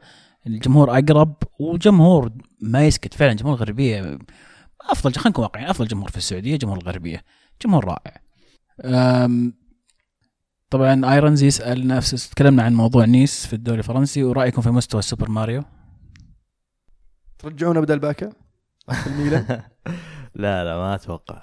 بس آه، صراحة سعيد إني أشوفه مبدع زي كذا. دائما بعيد عننا ومبدع كويس صح؟ خله هناك. لا يجينا. هذا قصدك. سعد يقول سؤالي لعبد العزيز لو إنك صاحب منصب في اليوفي وجاك عرض الديبالا ب 20 مليون وفوقها خامز بتوافق؟ اجاوب عنك إيه لا شكرا عبد الله إيش رأيك؟ إيه أنا بس أنت عارف إني بعلق على الموضوع إيه. إيه. آه طب اسمعني. نعطيكم لا، لا، لا، نعطيكم عرض سانشيز هذا. تعطونا ديبالا عرض هذا عرض هذا ركز بعدين تجاوبني إيه طيب عرض هذا يعني obviously لا لأنه لما يكلمك هذا هو قاعد قاعد يعتبر أو قاعد يعتقد أن قيمة خامز 60 مليون مثلا في الواقع قيمة خامز مو ب 60 مليون مدريد صح نقوا عليه 80 مليون من 88 بس مو ما كانت قيمته أنت. تشوف قيمة ديبالا 80 بس الآن مع كل ال- ال potential المتوقع لخامز إي لا بس هو يقول أنا أتكلم عن 60 ديبالا زائد إي- 20. إي إي أنا ديبالا 80 يعني. بالنسبة لي أنا أشوف إنه حاليا قيمته يعني ممكن تجيبون له أكثر ما. أقول مو ممكن تجيب 100 120 إيه. لكن قيمته لو حصل لي ب 80 يعني هذا هذا السعر المفروض يعني بدون ال premium فترجع موضوع تبدلني إياه بسانشيز لا. يا أخي ك- تعال. كم عمر سانشيز؟ آه، 27 كم عمر ديبالا؟ 28 22 ترى شوف هو عبد الله في في الأعمار يعط- يعطيك أعمار من جيبه. حركات أمهات. لا لا ولدي أصلا زود سنة. نقص سنة. عادي. ك- سانشيز كم؟ 28 إيه. آه. يعني 27 ونص. ديبالا كم عمره؟ 22 22 طيب. كيف كيف تقول لي راس براس؟ شوف فرق لأن. هذا جاهز هذا اليوم يلعب لك. سانشيز يوم عمره هذا- 22 كان كذا يلعب. لا بس هذا اللي بيجيب لك Champions لا هو يجيب ال Champions مع الإدارة. الجديدة. يا يا عزيز لازم تفكر أنت بتفكير الإدارة الجديدة. طيب يلا الحين سؤال المهند جاء دورك. okay. طبعا سؤال معتاد من من فاصل ما لا حل يقول هل المان يسير في الطريق الصحيح؟ والله حاليا نعم. عشان بدأ 11 فوز. مباراة من غير من غير خسارة فشيء كويس. مانكي يسأل يقول بخصوص مولر واحتمالية خروجه من النادي ما أتوقع يخرج لأنه ابن النادي وبالنسبة لكروس كان في ليفركوزن وبعدها جاء بايرن عارف كان إعارة في ليفركوزن ولا صح هو ولد بايرن أصلا. لاعب بايرن ميونخ نعم. طلع من أكاديمية بايرن ميونخ راح إعارة ليفركوزن ثم رجع. مولر. ومولر يعني لو بيطلع قلناها آخر مرة بيطلع لأنه يبغى يروح يختم الشريط. ختم الشريط في المانيا يبي يروح يمكن يفوز بال Champions أتوقع لو إني مكانه وحصل لي عرض في ريال مدريد مثلا والله بروح بس هو فاز بال Champions يعني already. ولو يطلع من البايرن ميونخ فإنه يبغى دوري جديد تحدي جديد وهذا الشيء بس يعني إذا في البايرن ميونخ يعني. اي في البايرن ميونخ لسه راح يفوز بينافس بالدوري وينافس أنا والله وينافس له مكان. ممتاز صراحة كلهم بياخذ صدقني كلهم بياخذ في الدوري اللي يبغاه هو بس ياشر الدوري اللي يبغاه بيروح. هين لو كان يبغى الفلوس كان طلع في الصيف اللي راح. الصيف إيه، الصيف حق فان غال. آخر صيف في فان غال. لو كان يبغى الفلوس. فيعني يدلك إن اللاعب ما يهم الفلوس و مرتاح على ما يبدو في با- في بايرن ميونخ. ناصر يقول رأيكم بعرض النادي الصيني المولد بغض النظر عن جدية العرض ورفض الاتحاد له وهل كانت تنفع اللاعب أو العكس؟ لحظة لحظة أرجع شوي. عرض الصيني للمولد. اي. في نادي إيه. صيني عرض على المولد. كم جاية؟ اعطيني 8 مليون في السنة. كم؟ 8 مليون في السنة. 8 0 8 8 واحدة. مولد. ما قلنا ميسي. 10 إيه. مليون آه، بيشترونه من الاتحاد 10 مليون دولار طبعا. okay. إيه، من الاتحاد وبيعطونا راتب زي ما قال عزيز. والله غريبة مرة. الاتحاد يقال يقال هذا. هذا يعني يقولون إشاعة. 8 مليون يورو ولا ريال؟ دولار دولار. يو 30 مليون ريال. يا ولد مش معقول. والله كان راح. والله مش معقول لا تقنعني. إشاعة. ما أتوقع صدق. والله يعني يعني قاعدين يحاولون الحين فلعيبه أنا مع الاحتراف بصراحه يعني لكن ما أدري هل الصين الوجهه المناسبه للاعب السعودي الآن؟ يعني خبر المهلل مو مهلل فؤاد انور فؤاد انور هو احترف في الصين صح؟ إيه. صح. فيعني يمكن يعلمنا كابتن فؤاد. كانك تسمع الحلقة؟ شاركنا رايك في احتراف الصين بس طبعا على وقته ما كان الوضع زي كذا. كان وضع تقشف تروح يزيد؟ تترك والله. الاتحاد و... لو جاني نفس العرض أكيد. شوف هو هذه النقطة إنك أوسكار تترك أوروبا وتروح الصين هاي شطحة. بس تترك الاتحاد وتروح الصين ما ما أوكي أفهم. بس يعني شوف ترى الدوري مع كل الصيني- احترام للاتحاد الدوري السعودي مو قصد شيء والله لا، بس لا، الصين على يعني طاري- على مو طاري مو الصين. بابجريد على الدوري السعودي يعني. دقيقه ولا قبل بداون هذه. جريد. إيه يعني ولا هب داون جريد نفس بعض بيعطونك راتب. اي بيعطونك فلوس. اي وعلى طاري الفلوس في مقولة دائما يقول لي اياها ترى يزيد. كل شيء لا زاد عن حده مو بزين. إلا الفلوس. اي والله. طيب أم... إيه، يقولون آه، عضو شرف الاتحاد على موضوع هذا الشيء ال- العرض المقدم للمولد. عضو الاتحاد عبد الله شرف عبد الله شرف الدين يقول أستطيع أن أسميها الكذبة الحقيقية، المولد يستحق أكبر من هذا المبلغ ولكن لم يصلنا أي عرض حتى الآن لطلب شراء عقد المولد. وأضاف لن نفرط في أي لاعب اتحادي مهما كان الثمن. بس المفروض إن لو جاهم عرض زي كذا يوافقون لأن الفلوس مفيدة جدا حاليا. الكلام سهل الكلام رخيص ولا إيه إيه. خالد يقول لاعب أعاد تعريف المركز الذي يلعب فيه بالسنوات الأخيرة. بيرلو؟ واخي جبتها سحبتها من نص لسانك. هو بيرلو. في ممكن يقول لك نوير. جارديولا؟ نوير. إيه. أنا ما اشوفه عادة يعني ما أشوف إنه يعني سوى شيء كان يسوونه الحراس كلهم لكن الناس فجاه صارت تركز عليه ولأنه صار يتقدم بزيادة مرة يشطح قدام ونكب كم مرة لكنه مرة صار يشطح قدام. ولا يسجل بلنتيات. نوير؟ إيه. كان مضطر بنتيات ولا في في حراس نص نهائي فاولات. في حراس فاولات و... كان ما كان نوير. نوير شات وسجل شاطحة. طيب بس ما هم لحظة لحظة لحظة لحظة ح... وش اسمه؟ كان ولا حارس آه، لا حارس ساو باولو. حارس سان باولو. حارس ها؟ أيوه. اللي شوت فولات. أيوه. فاولات كان كثير حراس كانوا فاولات وبلنتيات و... وفالديراما. مو فالديراما شو اسمه؟ حق. حق حق النصر حق. حق النصر اللي يذب الكرة وينطلق. زاحف. شو اسمه؟ دراما ها هيجيتا هيجيتا. هيجيتا يستلم الكرة ينزلها ويطلق هذا هذا كامبوس. رقم تسعة. ليش؟ عشان مرة حارس مرة مهاجم. وهو كان ترى يلعب مهاجم قبل ما يصير حارس. هذول حراس هو غير. جامع بين الحراس الصدقية. و معليش. في حراس في حراس. اللي يشوت فاولات هذا معليش هذا كم؟ 161 هدف جايب في تاريخه؟ تقريبا يعني ف وغيره. طيب غير ذول الاثنين يمكن آه، أسلوب لعب خلينا نقول ال- ال- الرقم تسعة بالنسبة لميسي. في مركز خانة striker رجع ال false nine غابت لفترة طويلة. أنا بالنسبة لي عن كرة القدم يمكن في الدوري الإيطالي كنتوا تشوفونها أكثر لكن الدوري الإسباني وخلينا نقول في أعلى level في كرة القدم. في لاعبين غيروا أسلوب لعب المراكز. ماكيليلي مثلا إيميرسون. روبرتو كارلوس. غير مفهوم ظهير يسار ها؟ ما ما أدري هو غيره ولا بيرين سوى يغير شيء. لي مفهوم ظهير يمين الصراحه روق روق. على طاري روبرت كارلوس يعني على طاري ال legend يعني. بس غير الموضوع غير غير السؤال غير السؤال. ليه مونستر يقول من هو المرشح الأول للفوز في دوري الأبطال وليش؟ أنا أشوف إن البايرن ميونخ. أتفق معك. طيب خلينا نقول ليش؟ ما يحتاج واضح. أوكي. أتوقع ريال مدريد مع إنه المفروض إنه يصير المرشح الممنوع إنك ترشحه لأنه فاز السنة الماضية وما قد سواها نادي ثاني لكن يا أخي قوي مرة قوي فريقهم يا أخي. أنا هذا مو مرشح الأول بس أتوقع آه ليستر ممكن يفاجئ.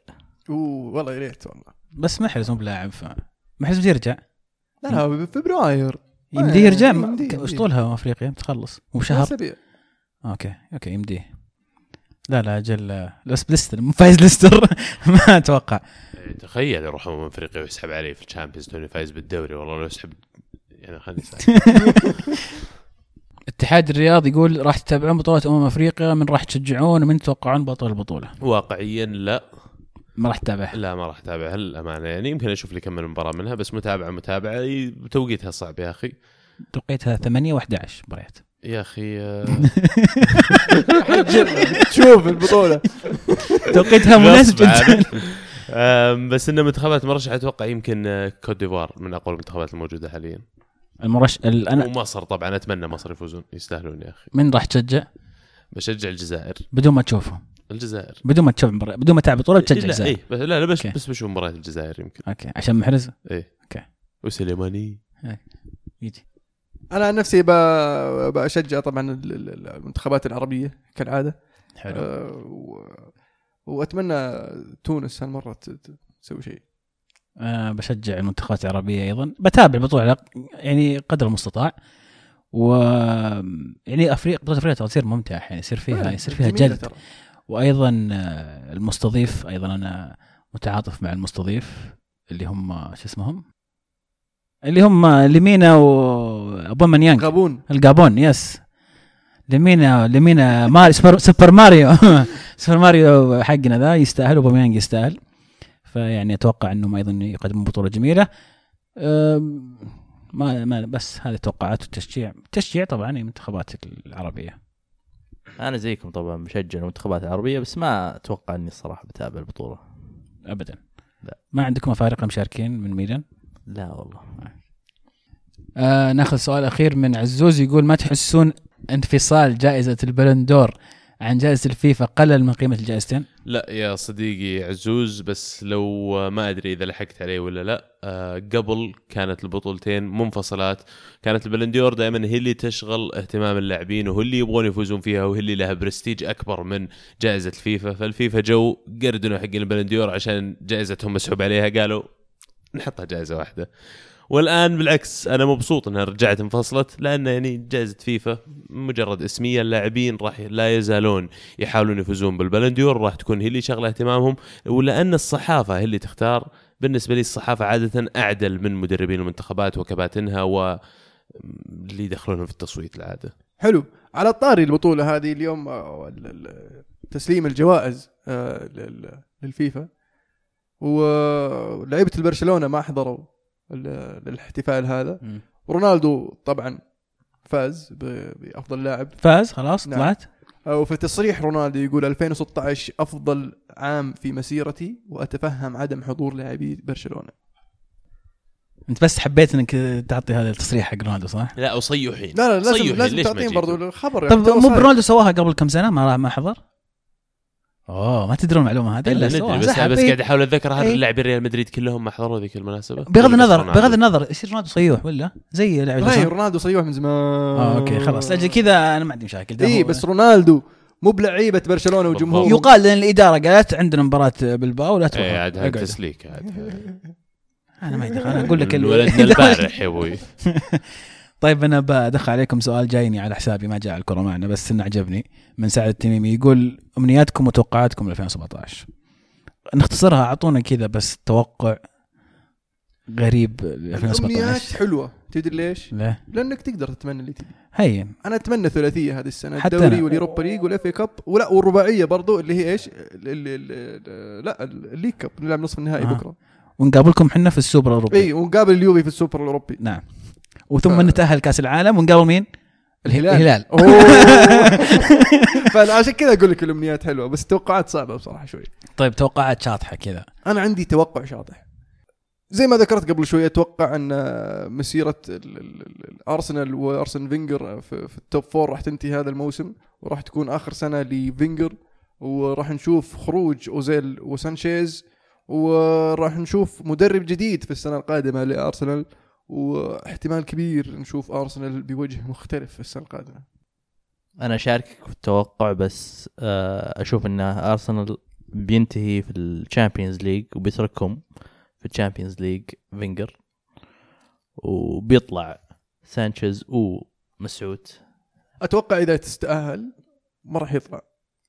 هو قايل قايل إذا ما جدد آه، فينجر بطلع. لا لا أنا أقصد آه، فينجر نفسه.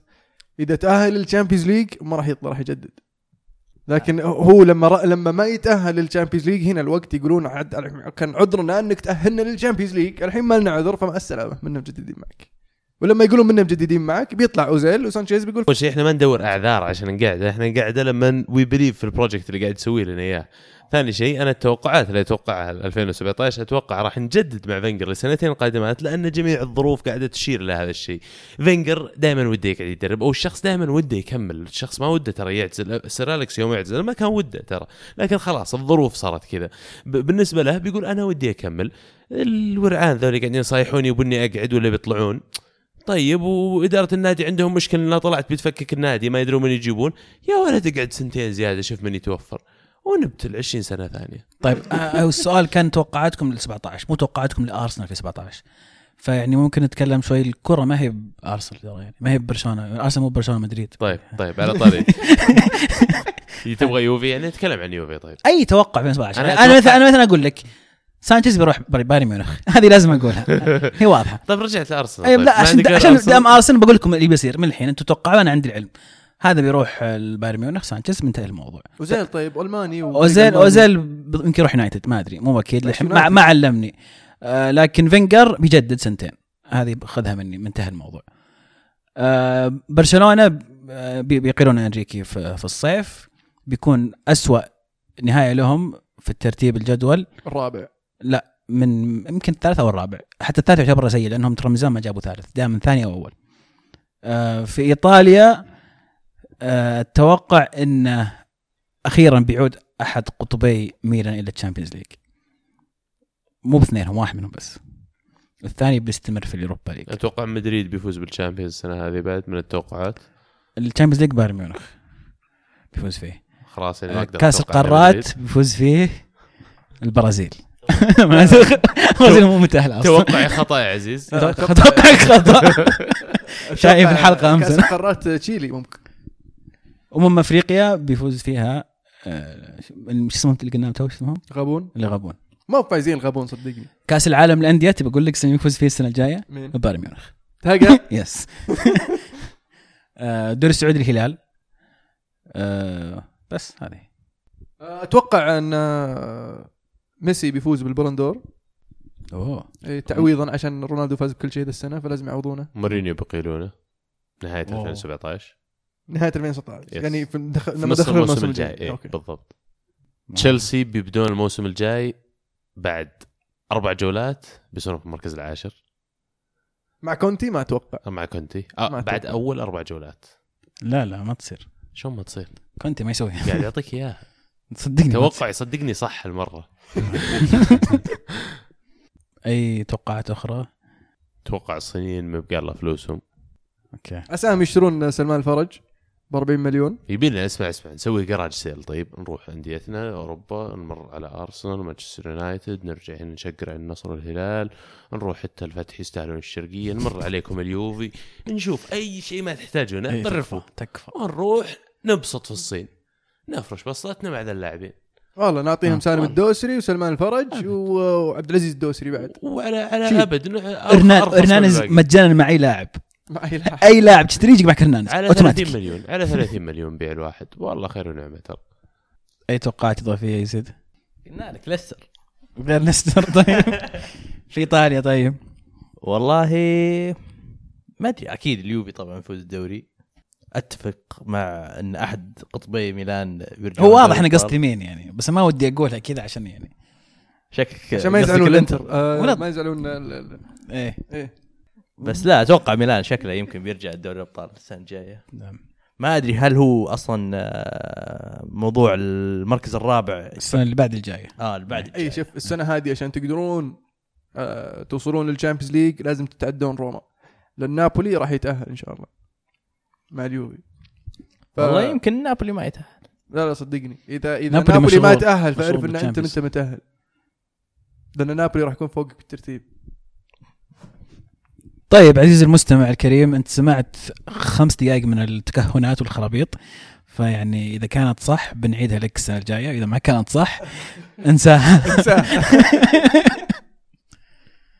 جولة توقعات يا عزيز بالنسبة لل- للأسبوع القادم؟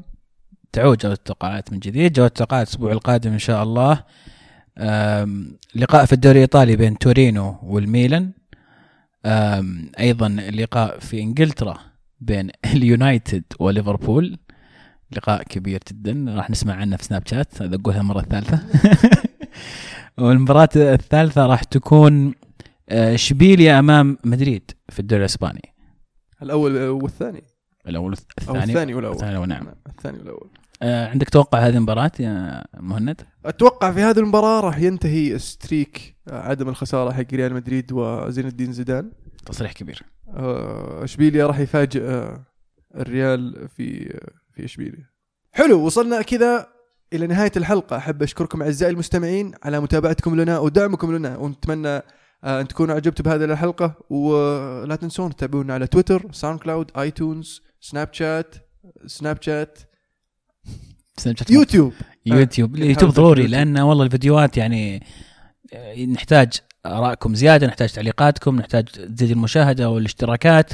سبسكرايب آه، وروا أخوياكم شوفوا يعني انشروا حاولوا تنشرون الفيديو أعطونا رأيكم أكثر. عشان إن شاء الله نقدر نقدم مستوى أفضل وإن شاء الله ترقبوا الفيديو الجديد اللي راح ينزل بعد فعلا. ملاحظاتكم مهمة جدا. آه، آه، إحنا نحاول نقدم اللي يعجبكم فاللي ما يعجبكم علمونا وش على أساس إنه نحسن. ففعلا نحتاج آرائكم في في كل شيء نقدمه. وبرضو العاب دوت نت موقع آه، العاب يقدم كل ما هو العاب فلازم تتابعونهم. شيكوا على الموقع إذا تحب الفيديو جيمز صدقني ما راح تمل. كانت الكره معنا. هي الكره معكم. فمان الله.